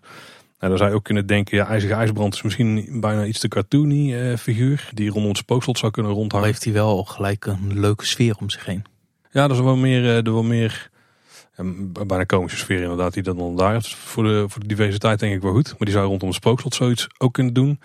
En ik denk dat een ander puntje, want er zijn nog wel een paar andere voor de hand liggende plekken. Maar die heb ik niet genoemd, want daar heb ik wel andere ideeën voor. Ik denk dat bij het Fata Morgana-plein iets met een, ehm, ja, zo'n soort eh nadier. Maar dan eh, iemand die dan meer met zwarte magie doet. eh, In diezelfde trant. En daar een soort showtje mee, weet je, die je ook dan kunt ontmoeten. Ik denk dat dat best goed zou kunnen werken op dat gebied. Dan heb ik ook nog wat, wat scaremazers eh, slash haunted houses bedacht. Ehm, en ook hier heel erg op de sfeer proberen te focussen. Waarbij mijn toppertje denk ik wel bij Bron 1898 gaat zijn. Waar je de Witte Wieven encounter hebt. En die wordt dan geplaatst op het backstage gebied achter het stationsgebouw. Daar, daar ga je de mijnen echt betreden. En die zijn natuurlijk haunted in dit geval. Dus nou, dat past perfect bij dit. Dus je, je gaat eerst stap je met jouw groepje een, eh, een lift in. Die lift die gaat zakken. De special effects natuurlijk. En uiteindelijk ga je dan dus echt de mijn in. Dus de rest van de mees is aangekleed als een mijnen. Nou, je- uiteindelijk loop je een deur uit en dan sta je in één keer weer boven. Zonder dat je naar boven bent gegaan. Maar dat vergeten we even voor. eh, maar dat is gewoon praktisch. Zo zijn zoveel meesters. Ja, ik neem het achter elkaar van je aan. En ehm, daarbij ligt er, eh, er hangt zo'n mist op de grond. En op bepaalde plekken hebben ze dan wat van die lucht. Een nozzel of zo geplaatst, waardoor ze in één keer stoot de lucht eruit kunnen doen. Want er zijn natuurlijk de witte wieven met projecties die ze af en toe over de wanden heen zweven. Nou, er moet een heel sterk sfeertje eh, neergezet worden. Ook met spannende muziek natuurlijk, wat er ook nog bij. En met aan het eind kom je in een wat grotere ruimte. En dan heb je daar een, eh, een real life witte wief. Om het zo maar te noemen. Enkelvoud, daar praten we nooit in hè Witwief. dat we daar nog met theatertechniek een, eh, eh, iemand in de lucht kunnen laten zweven die dan, eh, waar je interactie mee kunt hebben. Dan mag je, mag je misschien wel een keer schrikken en dan word je naar buiten gewerkt. En dan eh, denk ik dat dat wel een aardig Eftelingse manier is om eh, mensen toch in de spanning te hebben. En ik denk een andere plek waar we wel wat kunnen doen met, met een leuk sfeertje is bij Piranha. Op het Piranha-eiland, die paden daarachter. Daar zou je een soort Inca-mees kunnen doen.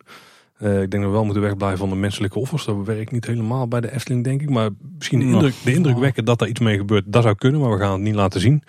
Maar ik denk dat daar wel mogelijk is, ook qua plek.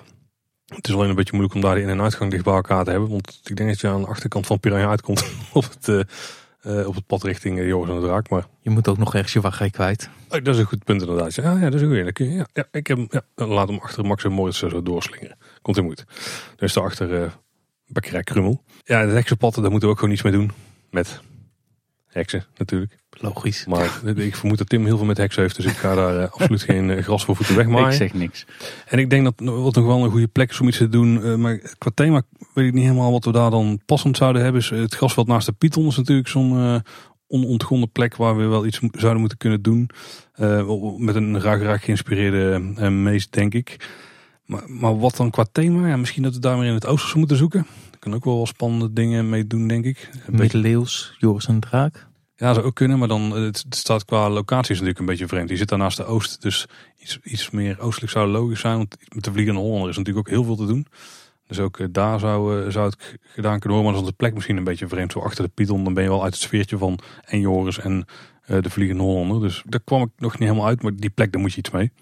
Ja, en dan, dan hebben we er eentje, net al heel kort over gehad, met het Sprookjesbos. Vind ik heel moeilijk. Aan de ene kant dacht ik, misschien moeten we van het Sprookjesbos één grote mees maken. Waar je gewoon een stroom bezoekers eh, in groepjes dus erheen stuurt. En dat als je dan bij eh, Roodkapje komt, dan lijkt daar echt een wolf in het bos te zitten. Terwijl je daar aankomt lopen, zeg maar. Je ziet schimmen langskomen. En de, een acteur die, die zorgt voor de geluiden en voor geritsel in de bosjes. Ik denk dat dat best goed kan werken in een donker Sprookjesbos. Wat vond ik zelf ook stiekem best spooky is. Want de verlichting daar die is niet heel spectaculair. Mhm.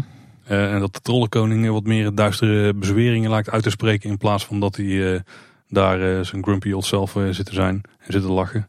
En dat, dat rond de Chinese nachtegaal de dood misschien lag rond te zwerven. Dat je, dat je dat soort dingen doet om het Sprookjesbos te uppen. Maar aan de andere kant dacht ik, ja, je hebt ook wel een plek nodig. Want het Sprookjesbos is voor zichzelf al best spannend. En je hebt eigenlijk ook een plek nodig waar je met wat de jeugdigere leden van het gezin wel nog gewoon ook dat sfeertje een beetje kunt proeven. Maar dat het allemaal niet zo heel ver gaat. En misschien moeten we daar het Sprookjesbos wel lekker naturaal verlaten. Met een, een enkel extra stukje aankleding of zo. Een paar extra tours. Ja, acteurs vaak het is al gauw denk ik misschien te spooky. Maar... Ligt gaan hoe ze spelen. Ja, zeker. Ja. Ik, ja, er zijn wel mogelijkheden. Maar ik, ik, weet ook niet of je het echt moet afsluiten. Dat het een begin en een eind is en dat je er doorheen moet lopen. Misschien hoeft het ook helemaal niet. Uh, maar ik denk dat het wel handig is dat er wat doorstroom is. En dat mensen niet op dezelfde plek heel lang blijven staan. Want dan valt het ook wel een beetje om met de acteurs, vermoed ik. Ja, tenzij het natuurlijk mensen daar maar echt direct interactie mee hebt. Zo, uh. Zo sprookjesbosfiguren die je af en toe van die uitkoopdagen hebt. Ja, ja, ja. Ik zeg niks. Dan zeg, ik Nog niks, niks. dan zeg ik ook niks meer daarover. Ja, en dan komen we bij eh, de, de shows. Ja, ik denk dat er wel een paar plekken zijn in de Efteling waar ze er iets mee kunnen doen. Heel erg, ja, misschien simpel, al is het misschien vrij prijzig, ligt er hoe je het aanpakt. Is denk ik iets van een specifieke film in de Fabula zaal draaien. Want dan heb je al die VD-effecten, heb je al. En die kun je volgens mij best goed inzetten om toch wel schrikmomenten erin te doen. De Fabula zelf doet het ook al. En, en eerlijk gezegd, in het donker is die wachtrij ook best wel spannend al. Uh, als je, daar kun je ook wel een lekker sfeertje neerzetten. En dan onder die waterval naar binnen. En dan in de voorshow kun je al wel leuke dingen doen. En tijdens de zaal, ja, dus nogmaals met die 4D-effect. Ik denk dat je daar hele uh, sterke ervaring kunt maken. Best wel multifunctioneel inzetbaar, die ruimte eigenlijk. Ja, Met, met een meer griezelige sfeer. Maar ja, qua film is het lastig. Want als je daar weer een complete 3D-animatie moet laten maken, dat is vrij prijzig. Of je een standaard inkoopt. Ja, zijn ze er uh, die dat doen? Ah, oké, kijk, dat helpt al. Zeker zoiets zou kunnen. En Mac Media maakt volgens mij ook zoiets voor een grijpstuiver, toch? Ja. Ja, of, je, of je filmt iets mee met 3D-camera's. Uh, als je dat goed aanpakt, dan zou dat, uh, zou dat ook wel kunnen.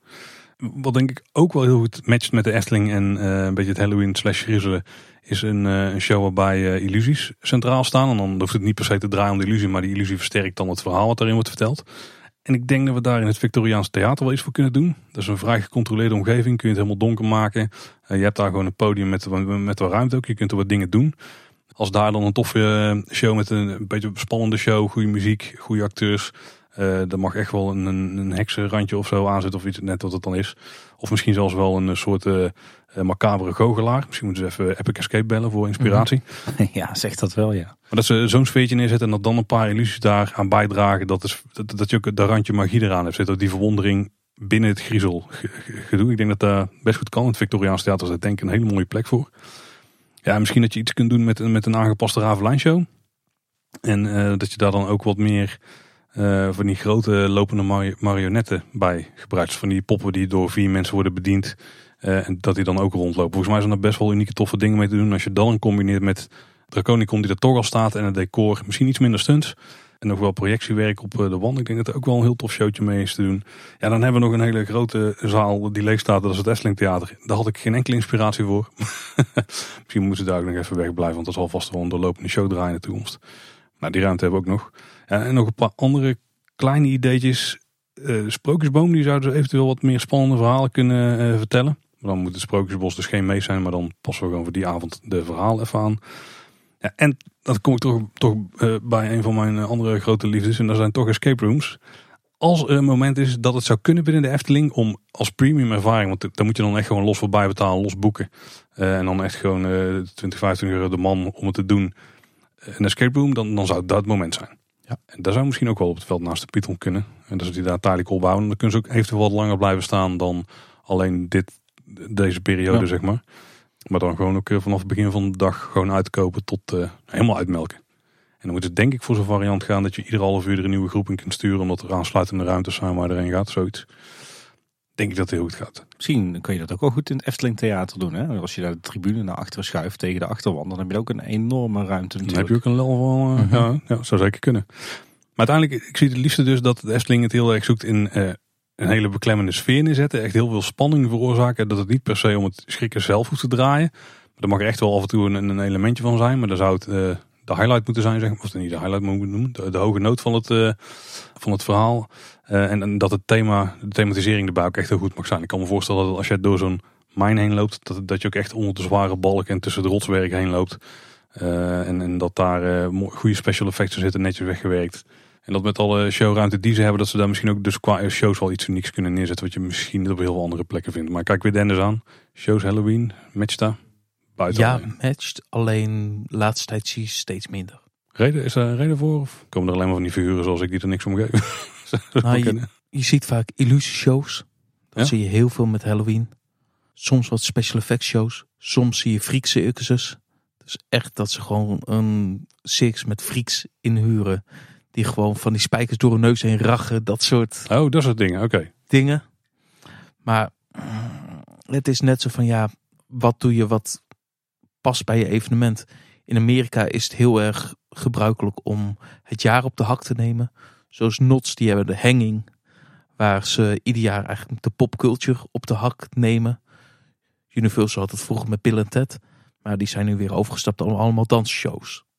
Hm. Dus het is net wat past, wat past bij je event op dit moment. Misschien zijn de kosten ook relatief hoog voor zo'n show. En kun je er niet echt een apart eh, kaartje voor vragen. Of dan een aparte entreeprijs voor vragen. Terwijl je dat bijvoorbeeld wel voor een, eh, een spookhuis kunt vragen. Het zit er meest standaard bij. Goeie, ja. ja. Dat is een beetje mijn eh, visie erop. Die verder nog steeds vrij onsamenhangend is. Want uiteindelijk zou ik het heel tof vinden als we wel voor een soort overkoepelend verhaal kunnen gaan. Alleen ja, de Efteling is van zichzelf zo divers. En je kunt die themagebieden die kun je ook niet zo ontkleden dat het in één keer allemaal bij elkaar gaat passen. Dat het denk ik voor de Efteling lastig wordt. Maar Ik heb er wel een soort van oplossing voor. ik ben heel benieuwd. Ik ben ook heel benieuwd. Zullen we dan naar jou gaan Dennis? Ja, Yes. Jij bent eh, de expert, dus eh, verras ons. Is goed.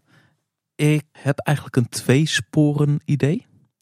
En daarmee beginnen we in oktober tijdens de normale dagen in de Efteling. Vroeger hadden we de herfst Efteling als sfeer.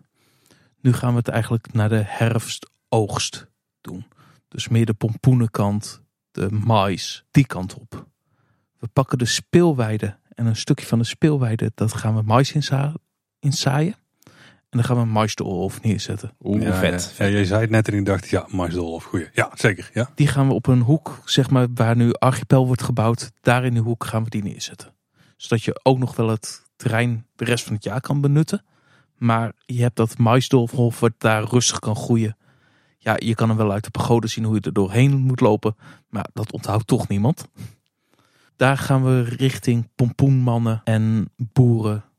Dat soort thema gaan we vooral daar neerzetten. Ook kun je daar een plek hebben om kinderen pompoen te laten snijden sminken.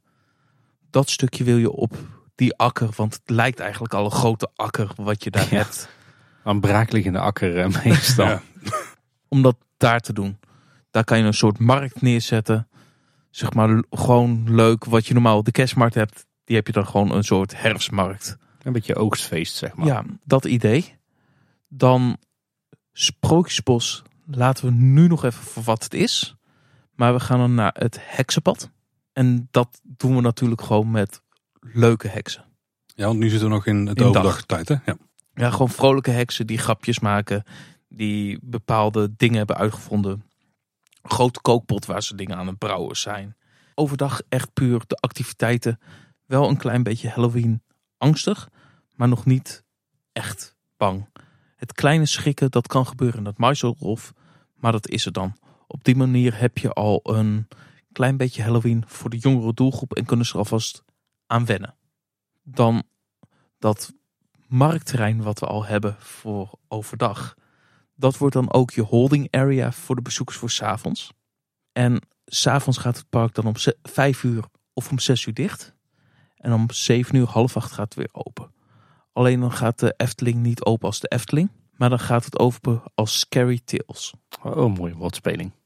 Want je gaat enge verhalen vertellen. En dat is gelijk voor mij de kapstok om alles in de Efteling aan op te kunnen hangen. Daarmee kan je alle kanten op. Er zal dus een verhalenverteller zijn. Die eigenlijk het icoon van het event is. Ik zie een soort jee, punctueel-achtig, maar dan op een enge manier. Die daar op het podium het evenement ook kan laten beginnen. Voor er staat ook een klein podiumpje waarmee het aan wordt gekondigd. En jij kan daar op dat plek kan je nog gewoon eten, drinken krijgen. Op dat moment is het Maisdolhof, die boeren. Ja, ik ga gewoon de Amerikaanse kant op. Zijn eigenlijk de lieve boeren zijn weg. En op dat moment komt er een hele groep rednecks binnen.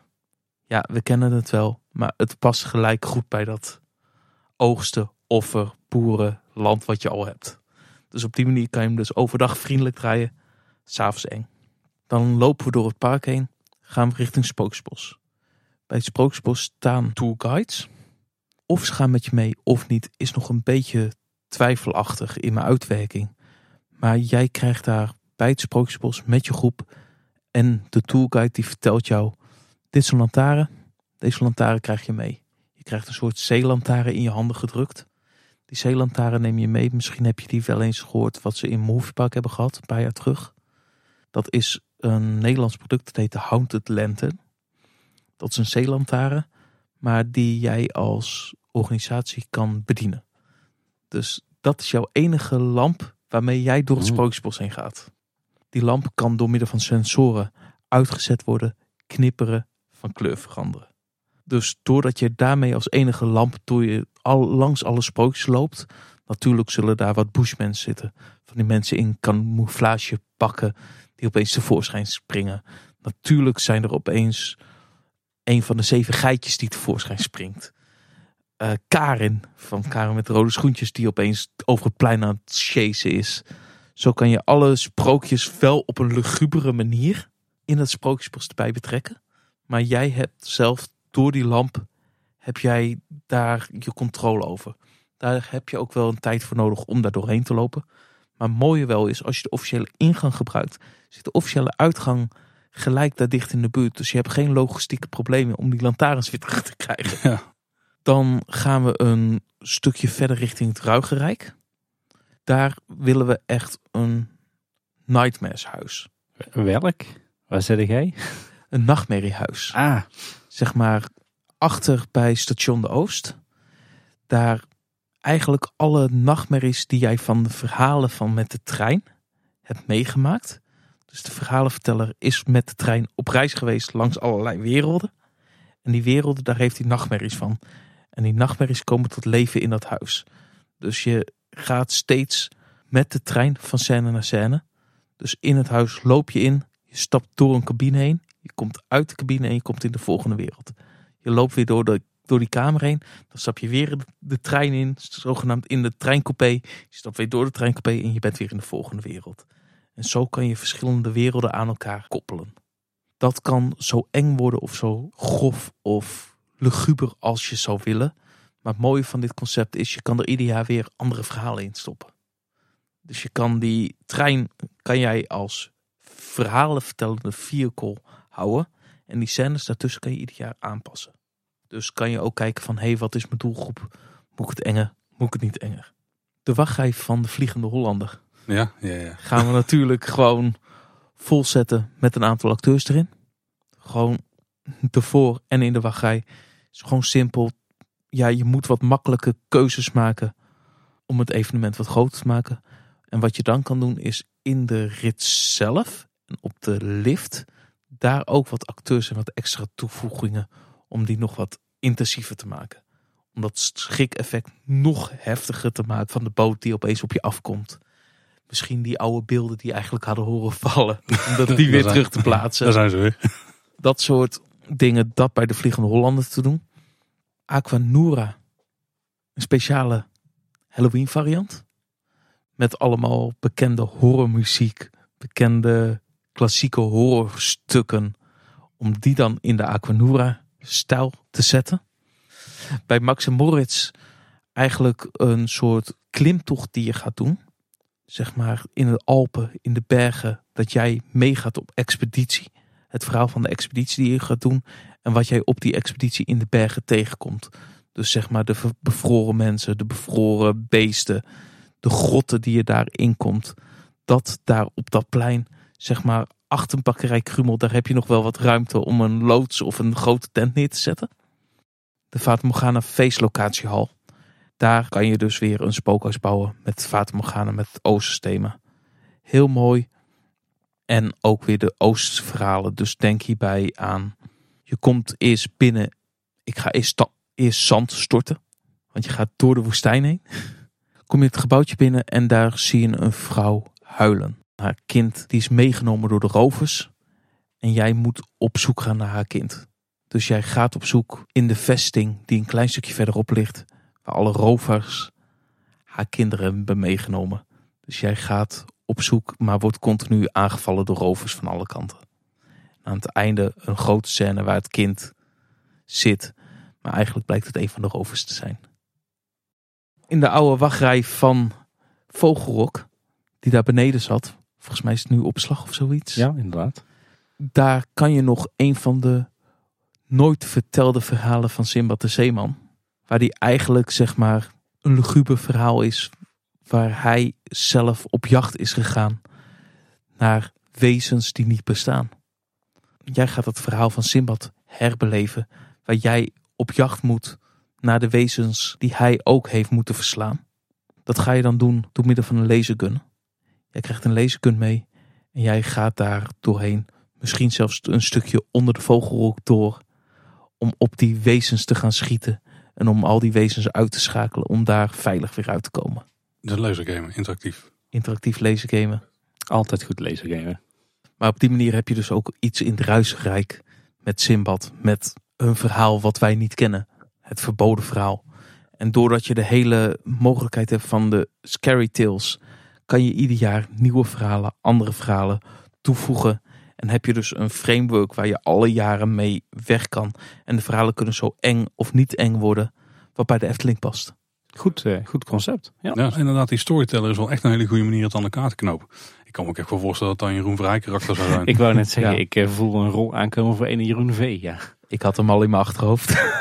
Misschien is een mooie holding area is ook wel uh, bij uh, Raakrijk. Uh, misschien plein voor de Oost. Ik denk het is helemaal vet als zij dan aankomt rijden met de trein en dan uitstapt. Dat, die, dat, dat ook de manier van aankomen is. Dan heb je gelijk het andere spookhuis erbij betrokken. Ja, ja vet, heel vet. Ja, de meandering van Droomvlucht, dat is de ideale holding area. ja, daar is hij al. En niet voor niks altijd de veestalling genoemd. Daar wordt hij ook al voor gebruikt. ja. ja. We hebben ook nog een mooie wachtrij bij Vater Morgana staan. Tim, ik ben wel benieuwd wat jij nog voor plan hebt. Ik, vermoed dat er heks in voorkomen. Ja, er komen zeker heks in voor. Daar heb je gelijk in.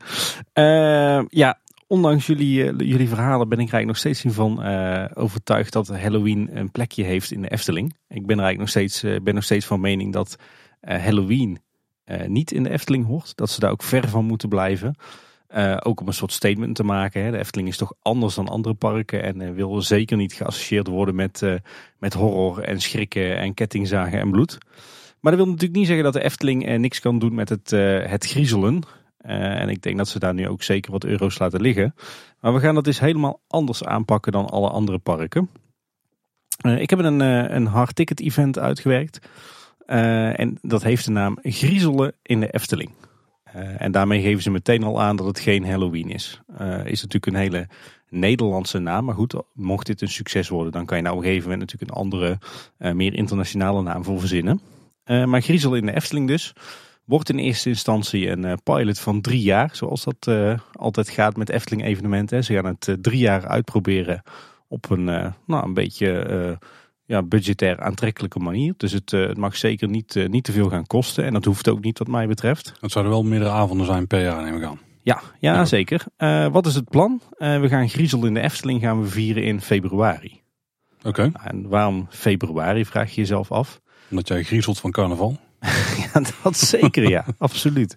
Nou ja, februari is natuurlijk een, een, een hele stille, uh, saaie laagseizoenmaand. Hè. In de, denk, uh, de, de maand uh, bij de Efteling waarin het het minste binnenkomt aan bezoekers en geld.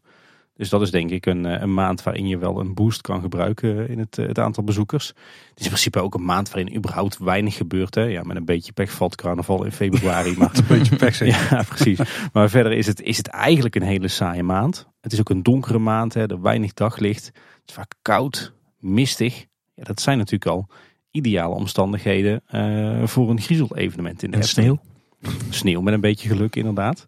Uh, dus je hebt eigenlijk in februari heb je al een hoop mee. Het is een maand waarin er weinig gebeurt. Een maand waarin het in de Efteling rustig is.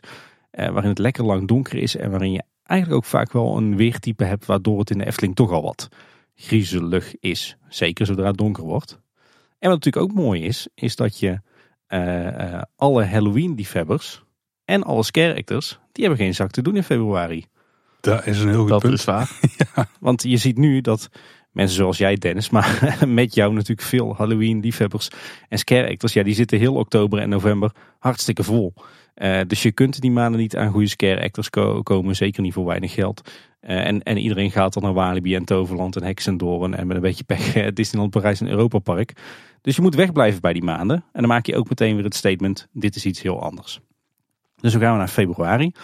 En wat gaan we dan doen? We gaan uh, Griezel in de Efteling vieren op de vrijdag en de zaterdagavond. Zondagavond doen we niet, want dan moeten mensen de volgende dag weer werken en naar school.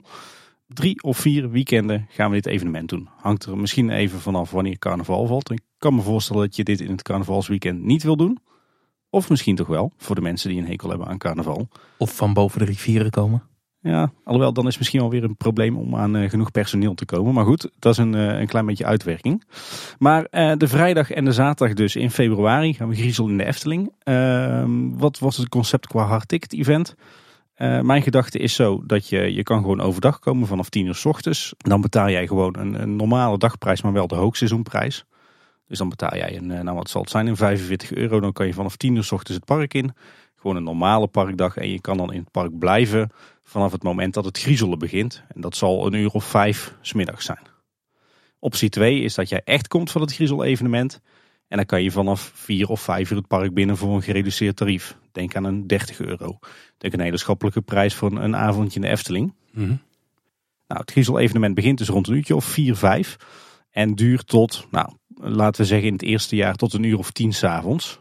Mocht nou gedurende dat evenement blijken dat dat toch te kort is, dat mensen nog lang niet zijn uitgekeken, dan kan je dat de twee jaren daarna natuurlijk op gaan rekken tot 11 uur. Uh, hooguit 12 uur. Nou, dan komt de Efteling weer in de problemen met de vergunning.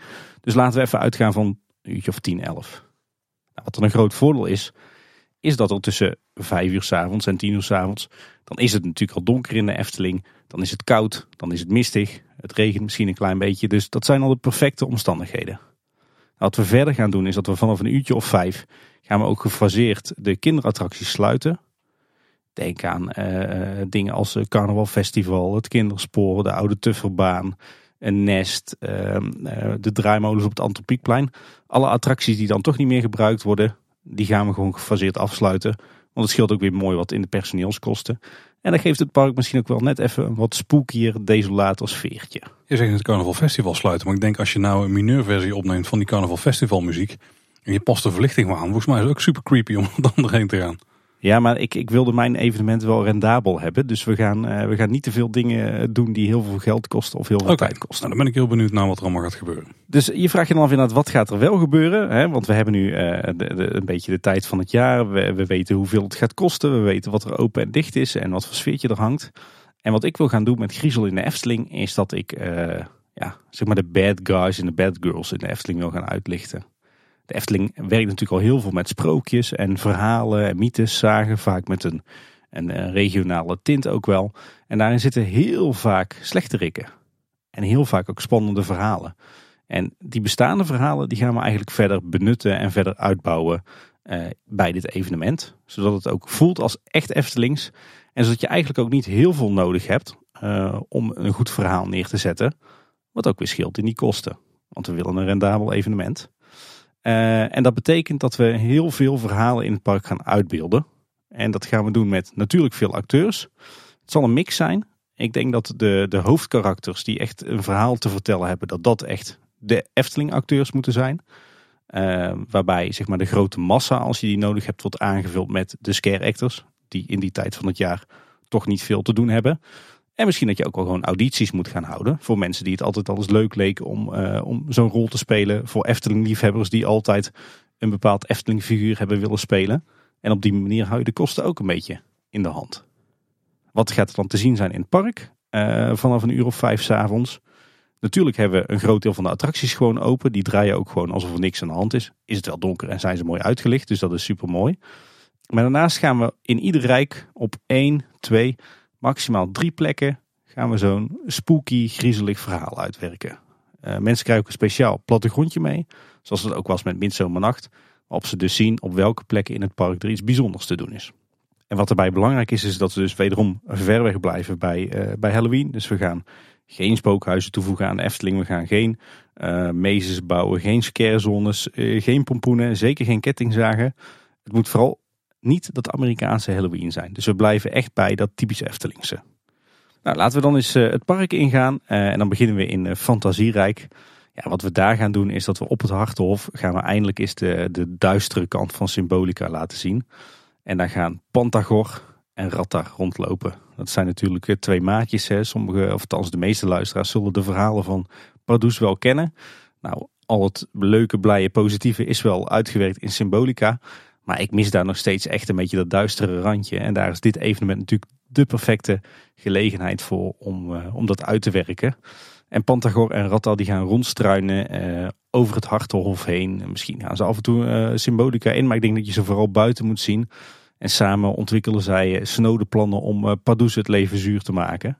Nou, daar zou natuurlijk een Pantagor zou natuurlijk een mooie helderrol zijn van een of andere Jeroen. Wie weet. wie, wie, kent hem niet? ja, inderdaad. En zo lopen zij ja, rond. ik kan me voorstellen dat ze ook de interactie met mensen opzoeken. Hè, dus dat ze mensen ook wel uh, een eng gevoel geven. Maar ze zijn daar met name bezig om uh, snode plannen te maken om uh, de wereld van Symbolica en de wereld van Pardoes ja, te, te, laten ondergaan, om het zo maar te zeggen. Dan gaan we naar het andere rijk. Nou, eigenlijk de hoofdact in het andere rijk, dat vindt toch wel plaats rond het spookslot. En wat we daar gaan doen is dat we het verhaal achter het spookslot hè, van de burggraaf van Capelle van Kaatsheuvel en zijn dochter Esmeralda en de tuinman en natuurlijk de heks Visculamia. Dat verhaal gaan we ontzettend goed uitbouwen. We hebben al wel gezien in het groene sprookjesboek van de Efteling dat je met het bestaande verhaal ook heel veel kan door het naar het nu te brengen. Maar wat we hier gaan doen is dat we op het voorplein van het spookslot gaan we het verhaal losjes uitbeelden. Dus we zien daar uh, de burggraaf, we zien daar uh, Visculamia als uh, ongebluste jonge maagd. We zien daar de tuinman die haar verraden. En die spelen als het ware het, het verhaal na. En op het laatst wordt Visculamia in de boeien geslagen. En dan wordt zij meegenomen naar de brandstapel bovenop op het heksenpad. Wij volgen Visculamia dan in haar eh, aftocht naar de brandstapel. En daar uh, wordt ze op de brandstapel gezet. Natuurlijk wordt die uiteindelijk niet uh, in de fik gestoken, want het zou een beetje gevaarlijk zijn. Maar we zien daar wel de strijd tussen Visculamia en haar, uh, de, de, de drie rechters die haar gevangen hebben genomen. En uiteindelijk weet zij ook te ontsnappen van de brandstapel. Dus dat is wat we in het andere rijk doen. Dan gaan we het, het originele verhaal van het spookslot uitbeelden. Ik kan me ook voorstellen dat zo'n Visculamia en zo'n Esmeralda... dat het ook heel erg spooky eruit kan zien. We gaan er ook wat mist laten hangen, wat, wat extra verlichting erop. Wellicht dat René Merkelbach een, een heel mooie score kan maken voor dat gebied. Dus daar gaan we dat verhaal uitbeelden. En wat we verder nog gaan doen in het, eh, in het eh, andere rijk is dat we toch bij het Fatamorgana-plein net wat meer dingen gaan doen. We gaan daar, om toch een leuk sfeertje weg te zetten, een wat duisterder sfeertje, gaan we een hoop werken met, met brandende fakkels. En met heel veel Norse wachters. Je ziet die nu ook al wel eens op bepaalde bedrijfsfeesten. Maar we gaan het plein volzetten met wachters die de verboden stad bewaken. Maar ja, als jij de attractie wil doen, moet je natuurlijk naar langs die wachters. En die geven jou toch een beetje dat hele nare gevoel dat ze jou daar niet willen hebben. En dat ze je tegen willen houden. Misschien proberen ze je zelfs wel weg te jagen. Dus zo gaan we daar het verhaal wegzetten. Ga je dan ook nog dingen in de attractie toevoegen? Nee, nee, de attracties die blijven in mijn concept echt eh, de attracties zoals ze zijn. Het park ook. Het is, eh, de toevoeging zit er met name in uh, ja, zeg maar de, de, de acteurs op straat die de interactie met jou aangaan. Of die een, bepaalde, ja, een bepaald spel uitbeelden. Waar ik zelf ook nog aan heb zitten te denken uh, voor de Piranha. Maar dat is misschien niet iets voor het eerste jaar. Dat zou iets zijn uh, voor een tweede of een derde jaar als het heel succesvol is. Is om de Piranha het uh, Dia de los Muertas concept mee te geven. Dus om daar iets mee te doen. En dan niet per se dat hele blije zoals we dat kennen uit Coco, hè, de film van Disney. Maar iets meer het serieuze zoals dat echt in, in Mexico wordt beleefd. Zo zou je natuurlijk de, de Piranha, zowel het stationsgebouw als ook de hele omgeving eromheen, zou je natuurlijk prima uh, ja, een beetje een spooky sfeertje kunnen geven. Zonder dat het heel erg gruwelijk wordt. Hè? Want het is, er zit altijd wel iets grappigs in, in dat Dios de los Muertas. Nou, dan gaan we naar het, uh, het Ruigrijk. Daar hebben we twee plekken waar je kunt griezelen. De hoofdmoot daar gaat zijn Baron 1898. En daar gaan we van de hele omgeving van de attractie gaan we een soort scarezone maken, als je het zo zou willen noemen. En ook hier gaan we weer een aantal karakters tot leven brengen. De baron, baron Gustav Hoogmoed, die gaat rondlopen. Er gaan een paar uitgemergelde mijnwerkers rondlopen. En natuurlijk zwerven er ook witte wieven rond. En net zoals dat we bij het spookslot het verhaal achter de attractie uitbeelden, gaan we dat hier ook doen. Dus we gaan die hele omgeving gaan we vol pompen met mist. Nog meer dan dat er normaal gesproken op een winterdag al hangt daar. We gaan naar het gezang van de Witte Wieven eh, laten horen. Uh, ook een aangepaste score door René Merkelbach. Wellicht ook met, de, met name de duistere stukken uit zijn muziek voor die attractie. En de baron die loopt daar rond om mijnwerkers te ronselen. Nou, dat doet hij op, een, uh, op de voor hem zo kenmerkende manier natuurlijk. We zien hier mijnwerkers rondstrompelen die klagen over hoe zwaar het werk in de mijn is en wat voor, uh, ja, wat voor type die baron eigenlijk wel niet is. En de witte wieven die spoken daar rond. Uh, wellicht doen we daar wat met projecties in de mist. Maar ik kan me ook voorstellen dat je toch best wel daar vier, vijf, zes mooie witte wieven wilt hebben rondlopen. Gekleed in, in witte lompen. En die gaan ons bang maken en die gaan de strijd aan met de baron. Dus dat is een beetje het, het verhaal en het sfeertje wat we daar willen neerzetten. En dan elders in het Ruigrijk bij de Vliegende Hollander zien we ook nog Willem van der Dekken terug, de kapitein. Met zijn vrouw Catharina en Willem van der Dekken die staat op het voorplein. En die bekvecht eigenlijk wat met Catharina, want die wil uh, uit gaan varen. Ondanks dat het, het niet veilig is. Dus ja, we hebben daar een beetje dat dreigende sfeertje hangen van Willem van der Dekken. Die, die toch wil gaan varen en die ruzie krijgt met zijn vrouw. Ik kan me ook voorstellen dat die twee figuren er ook prachtig uitzien met de kenmerkende kleding. Nou, ik heb heel lang zitten dubben over, uh, over het reisrijk. Wat moeten we nou in vredesnaam met het reisrijk doen? Want hoe ga je nou een spannend verhaal rond de gondoletta of de pagode verzinnen? maar toen kwam daar uh, ineens de wereld van Simbad.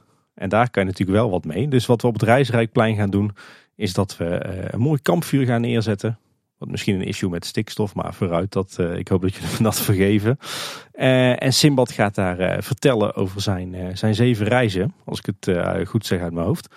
Wat een spannend verhaal. Uh, ook daar uh, gaan we weer heel veel characters zien. We gaan uh, heel veel Oosterse wachters zien die Simbad bewaken en ons op afstand proberen te houden. En we gaan er ook de bemanning zien van Simbad's schepen. En ja, dit wordt vooral eigenlijk een, een vertelact. Dus we gaan ook wat bankjes neerzetten en we gaan er gewoon een heel gaaf sfeertje creëren met dat vuur. En al die spannende verhalen van Duizend en één nacht. Een beetje zoals ooit de Bokkenrijders ja, precies. En daarmee maak je een heel mooi bruggetje naar mijn plannen voor het Marenrijk. Want uh, in het Marenrijk uh, hebben we maar liefst uh, drie plekken waar we wat gaan doen met griezelen. nou, een van die plekken is inderdaad, Dennis, jij zei het al, is Villa Volta. want daar gaan we het verhaal van de bokkenrijders uitbeelden.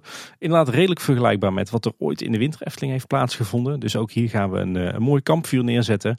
En komen af en toe de bokkenrijders langs. Uh, een aantal uh, ongure Brabantse figuren in lompen gekleed. Misschien uh, nemen ze wel een paard mee of staan er her en der nog wat, wat bokken in de wei. En zij vertellen al dan niet begeleid door, door muziek, bijvoorbeeld op de, op de gitaar of de luid, vertellen zij hun verhalen. En op een bepaald moment dan gaan we ook Hugo daadwerkelijk zien. Hugo van de Loonse Duinen. Dat is natuurlijk ook een, een prachtige figuur om te spelen. Dus uh, ja, om de haverklap kun je daar op het, uh, het plein voor Villa Volta uh, de bokkenrijders zelf hun eigen verhaal horen vertellen. En wie weet komt er ook nog wel een projectie langs van de Witte Dame. Of wie weet ontmoeten we de Witte Dame wel in persoon. Dat zou natuurlijk ook een, een heel mooi figuur zijn. Verder gaan we iets leuks doen in, op het Antropiekplein en de omgeving van het Carouselpaleis in de Speelweide. Want dan gaan we een soort circus bizar krijgen. De, echt dat, uh, dat circusfeertje wat we over een paar jaar hopen te hebben in Strookrijk. Rond de Grand Circus Balancé. Dus uh, daar gaan we messenslikkers zien. Vuurspuwers. daar wordt geworpen met dolken. misschien de vrouw met de baard zien we niet voorbij komen. Misschien een, een kleine trapeze act. mensen op, die op ballen rond, rondlopen. acrobatiek. Maar allemaal wel een klein beetje spooky. Lijkt mij daar perfect passen in die omgeving. Ja, en dan het Sprookjesbos, het, uh, het laatste onderdeel. Ja, het Sprookjesbos wordt het domein van de heksen en de wolven. Uh, het Sprookjesbos zelf staat gewoon aan zoals het, uh, het altijd aanstaat. Alle sprookjes kun je gewoon bezoeken, de verlichting staat gewoon aan. Maar daar gaan een heleboel karakters rondlopen. Natuurlijk de wolven van Roodkapje en de Zeven Geitjes. Uh, en de vele heksen die je in het Sprookjesbos vindt. En dat zijn er nogal veel. Hè? Want uh, je hebt natuurlijk de heks in het rode gewaad op de, de Sprookjesbospoort. Die gaan we in levende lijven zien. Uh, de boze vee van Doornroosje gaan we zien. We gaan de heks van Raponsje zien. We gaan de heks van Hans en Grietje zien. De heks van de Indische waterlelies. Nou, mis ik er dan nog eentje, heren? Ik was niet goed mee aan het tellen, denk ik. We gaan, we gaan in ieder geval alle heksen die je in het Sprookjesbos terug kunt vinden, die komen tot leven en die gaan rondlopen. Ook degene van de bezem? Ja, die misschien ook wel, ja. Ja, dat is ook een goeie. Een boze stiefmoeders doen niet meer. Dat is ook wel een soort heksenhalf. Ja, nou, wie weet. Het ligt een beetje aan wat het budget is, maar eh, ik... eh, vooruit. Nee, we, we gaan daar dus echt een, eh, ja, zeg maar een flinke schare heksen zien. Wat natuurlijk heel vet is, is dat ze allemaal gekleed zullen zijn en gegrimeerd zoals de heks daadwerkelijk in het sprookje. Dus dat wordt natuurlijk de sport herkennen welke heks van welk sprookje is. En zij lopen in principe samen met de twee wolven eh, normaal gesproken rond door het sprookjesbos. Zoeken ze een beetje het contact met jou, hè, de interactiviteit. Nou goed, eh, je weet zelf wel hoe een heks dat gaat spelen. Dat gaat natuurlijk eng zijn en ze ga je natuurlijk een beetje irriteren en prikkelen en, en eh, de stuipen op het lijf jagen. En om de zoveel tijd dan vindt er een zogeheten koven plaats, als ik het goed zeg. Een bijeenkomst van de heksen rond een vuur of misschien wel rond een andere bijzondere plek in het Sprookjesbos. En dan gaan ze een, eh, een heksendans uitvoeren en bezweringen en misschien dansen ze wel rond een ketel. Nou, ik dacht eerst dat eh, Beukenbos daar achter de zeven geitjes is de perfecte plek daarvoor. Is misschien niet heel erg handig met mensen die kijken. Dus misschien dat je dan toch eerder op een soort Herautenplein uitkomt of zo. Maar eh, zij gaan daar ja, om de havenklap een heksendans uitvoeren. Wellicht zingen ze, zingen ze wat liederen. Wellicht wordt er door René Merkelbach weer een, een apart muziekstuk voor gemaakt. Eh, en na die bijeenkomst eh, dan zwemmen, zwerven ze weer uit over het, eh, het Sprookjesbos. En dan kan je ze daar weer gaan zien. En zo gaan we eigenlijk ja, tijdens die, die avondopenstelling in februari... eh, heb je gewoon je, je attracties. En je hebt op een heel aantal plekken in het park... eh, komen de Efteling verhalen eh, met de bad guys, met de slechterikken... eh, komen tot leven. Ja, Tof. het is een vrij behouden manier om het inderdaad aan te pakken. En dus financieel zeer aantrekkelijk. Ja. Het voelt voor mij een beetje als entertainment wat ik bijna het hele jaar door wel zou willen zien. Ja, er zitten inderdaad wel eh, ja, wat dingen bij. Ja. Ik denk dat er ook best wel wat, eh wat negen kleine festijnen zijn geweest en zomeravonden waarop verschillende losse acts hebben plaatsgevonden. Maar we gaan nu juist focussen op, eh, op alle slechterikken en die op één avond bij elkaar brengen. Of ja, op een aantal avonden in die maand dus. En mocht het nou een succes zijn, dan zie ik ook nog wel, eh, een, heb ik ook nog wel een idee voor een speciaal Aquanura show. Eh, want in de trant van eh Aquanura met een zachte G, met de muziek van Guus Meeuwis, gaan we nu iets anders doen. We gaan eh, de meest zware, spookachtige muziekstukken van de Efteling pakken. Hè? Dus denk aan de Dans Macabre. Denk aan de, de wat zwaardere stukken in bijvoorbeeld Ravelijn en Bron 1898. Misschien Villa Volta nog. De Vliegende Hollander natuurlijk. Stukken vaak ook met gezang. En die gaan we combineren met misschien vooral wat Nederlandse symphonic metal. Dus met muziekstukken van Within Temptation. Met wat... eh, After Forever, met misschien wat Nightwish. eh, Een aantal bekende muziekstukken van de symphonic metal. Die natuurlijk perfect aansluiten op de Efteling muziek. Hè. Ze noemen het niet voor niks eh, Efteling metal in het wereldje. En die kan, nou, als iemand die muziekstukken aan elkaar kan breien, dan is dat natuurlijk René Merkelbach. En zo gaan we een hele spooky, griezelige, maar toch heel stijlvolle speciale Aquanura editie brengen. Maar dat doen we pas als het na twee of drie jaar echt een groot succes is. Want dan hebben we daar ook eh, de centen voor. Cool. Zo, dat is inderdaad ook weer een compleet ander concept dan eh, de andere twee. We hebben toch wel drie totaal uiteenlopende concepten bedacht. Ja. Zo Ja. goed in. Ik denk dat we zo ook alle drie onze eigen voorkeuren hebben. En die we zo ook eh, aardig hebben laten doorschemeren, toch? Ja, ik denk dat die voor mij wel veruit het duurste gaat worden. Dus eh schat daar wat- zeker wat dingen uit in je hoofd. Terwijl jij degene was die aan het begin van deze aflevering nog zei dat we ook op de kosten gingen letten. Dat het ook een rendabel en praktisch haalbaar eh, concept moest zijn. Nou, je moet vooral geld, veel geld in het laadje brengen. Dus het, het is wel een evenement dat natuurlijk 40.000 man op een avond trekt. Hè? Hoop ik. En dan je doorstroming van je attracties met goede ervaring. Nou ja, dat is wel een, puntje inderdaad. Even snel een rondje doen. Want in mijn geval had ik ook wel verwacht dat de attracties dan eh, open zouden blijven allemaal. Was dat bij jou ook, Dennis? Alleen de grote e-tickets. Zeg maar, de, Ja, dus Antropiekplein, molentjes, die laten we allemaal. dat laten we allemaal. Maar Achtbanen, grote dark rides. Ja. En bij jou, ja, de, de, de, de, de blije dingen, die doen we dicht. De Dus- kinderattracties. Nee, ik merk echt wel, ik, ik focus echt wel bij dit, eh, dit concept op eh, ja, toch de net wat oudere kinderen, de tieners, misschien ook wel vooral de dertigers, veertigers die de Efteling is na al die jaren op een hele andere manier eh, willen meemaken. Dus bij mij was het wel echt een, een volwassen event. Weet je, ik denk met een vergelijkbaar doelpubliek als Midzomernacht. Dus bij mij kunnen die, die kinderattracties ook allemaal dicht. Want ja, die, die, het personeel staat er ook maar voor niks anders. En eh, ja, ik denk dat het ook wel een spooky sfeertje geeft hoor. Een eh, verlaten Anton Pieckplein met alle molens stil, met wel de lampjes nog aan. En dan eh, Zo'n zo'n Circus Bizar bijvoorbeeld, wat daar een beetje rond, rondwaart. Dus nee, ik denk dat het juist alleen maar aan de sfeer bijdraagt. En een Max en in dat geval? Ja, dat is een twijfelgevalletje. Ik neig inderdaad naar dicht. Aan de andere kant, je kan misschien ook op den duur wel weer wat leuks met dat verhaal. Hè? Een beetje de, de gruwelijke kanten van het verhaal van Max en Moritz uitbeelden. Want eh, die zijn natuurlijk ook eh, aardig wat. En met een, eh, een acteur of zes, dan, eh, dan kan je dat ook wel leuk uitbeelden natuurlijk. Maar goed, daar hoeft de attractie niet per se open voor te zijn. Daarmee kom je eigenlijk gelijk de link naar trick and treat. Ja. Zeg maar de grappen die ze uithalen die fout gaan. Dus het meer Halloween in de Efteling dan dat we bijvoorbeeld dachten. Meer eh, griezelen. Ja, dat wisten we op zich wel. Maar er zijn eigenlijk wel meer linkjes met de klassieke Halloween. En we hebben natuurlijk al een hele hoek vol met pompoenen. Dat is dan wel bij poester. Maar... Ja, precies. Ja, we hebben dus drie verschillende concepten gehoord. Eh, drie verschillende hoeken met drie verschillende gedachten erachter. We zijn op zich wel benieuwd waar eh, jullie voorkeur ligt. Dus we gaan op Twitter een poll plaatsen. Dat is ook de enige plek waar we gaan plaatsen. Niet op Ja. Instagram en zo. Dus als je wil stemmen, dan moet je ons daar even volgen. Edka Boodschap.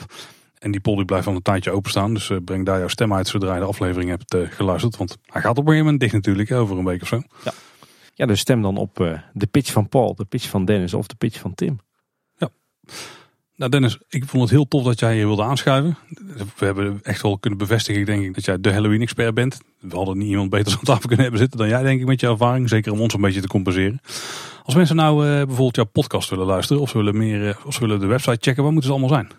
Dan kunnen ze Scarepot opzoeken in hun favoriete podcast app. Eigenlijk zit die overal in, in iTunes, in Spotify. Eigenlijk overal gewoon Scarepot. En voor het laatste nieuws over de scare en Halloween industrie kunnen ze naar scarezone.nl. En mij kunnen ze gewoon ook op die media gewoon volgen. Ik zit ook in het Discord kanaal van Scarezone. Dus als mensen me willen spreken, kunnen ze daar lekker heen komen. Dus heb je ook maar enig interesse in Halloween-events hier eh, in de verre omgeving, dan eh, volg zeker een van die zaken.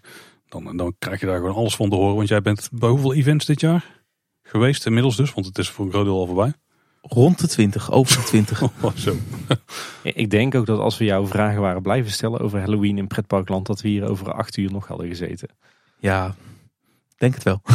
Nou, wil je Dennis minstens acht uur horen praten over Halloween in pretparken? Scherpelt, dat moet je zijn. Het lijkt me de plek eh, om naartoe te gaan, ja. Tim, als mensen ons willen volgen, waar moeten ze dan zijn?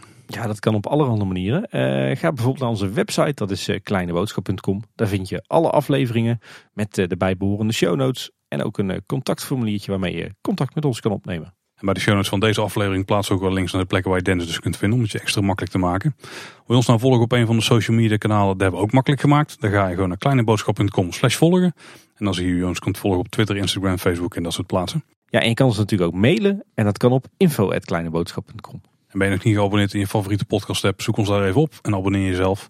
En eh, als je een rating kunt achterlaten, bijvoorbeeld bij Apple Podcast, doe dat dan zeker. Kunnen we het heel erg waarderen. En verder luister je ons ook via Spotify en op de website. Dennis, nogmaals bedankt dat jij wilde aanschuiven. Graag gedaan. Bedankt voor de uitnodiging. Ja, was, eh, was tof eh, vanavond. En dat was weer voor deze week. Bedankt voor het luisteren. Tot de volgende keer. En houdoe. Houdoe waar. En keep it scary.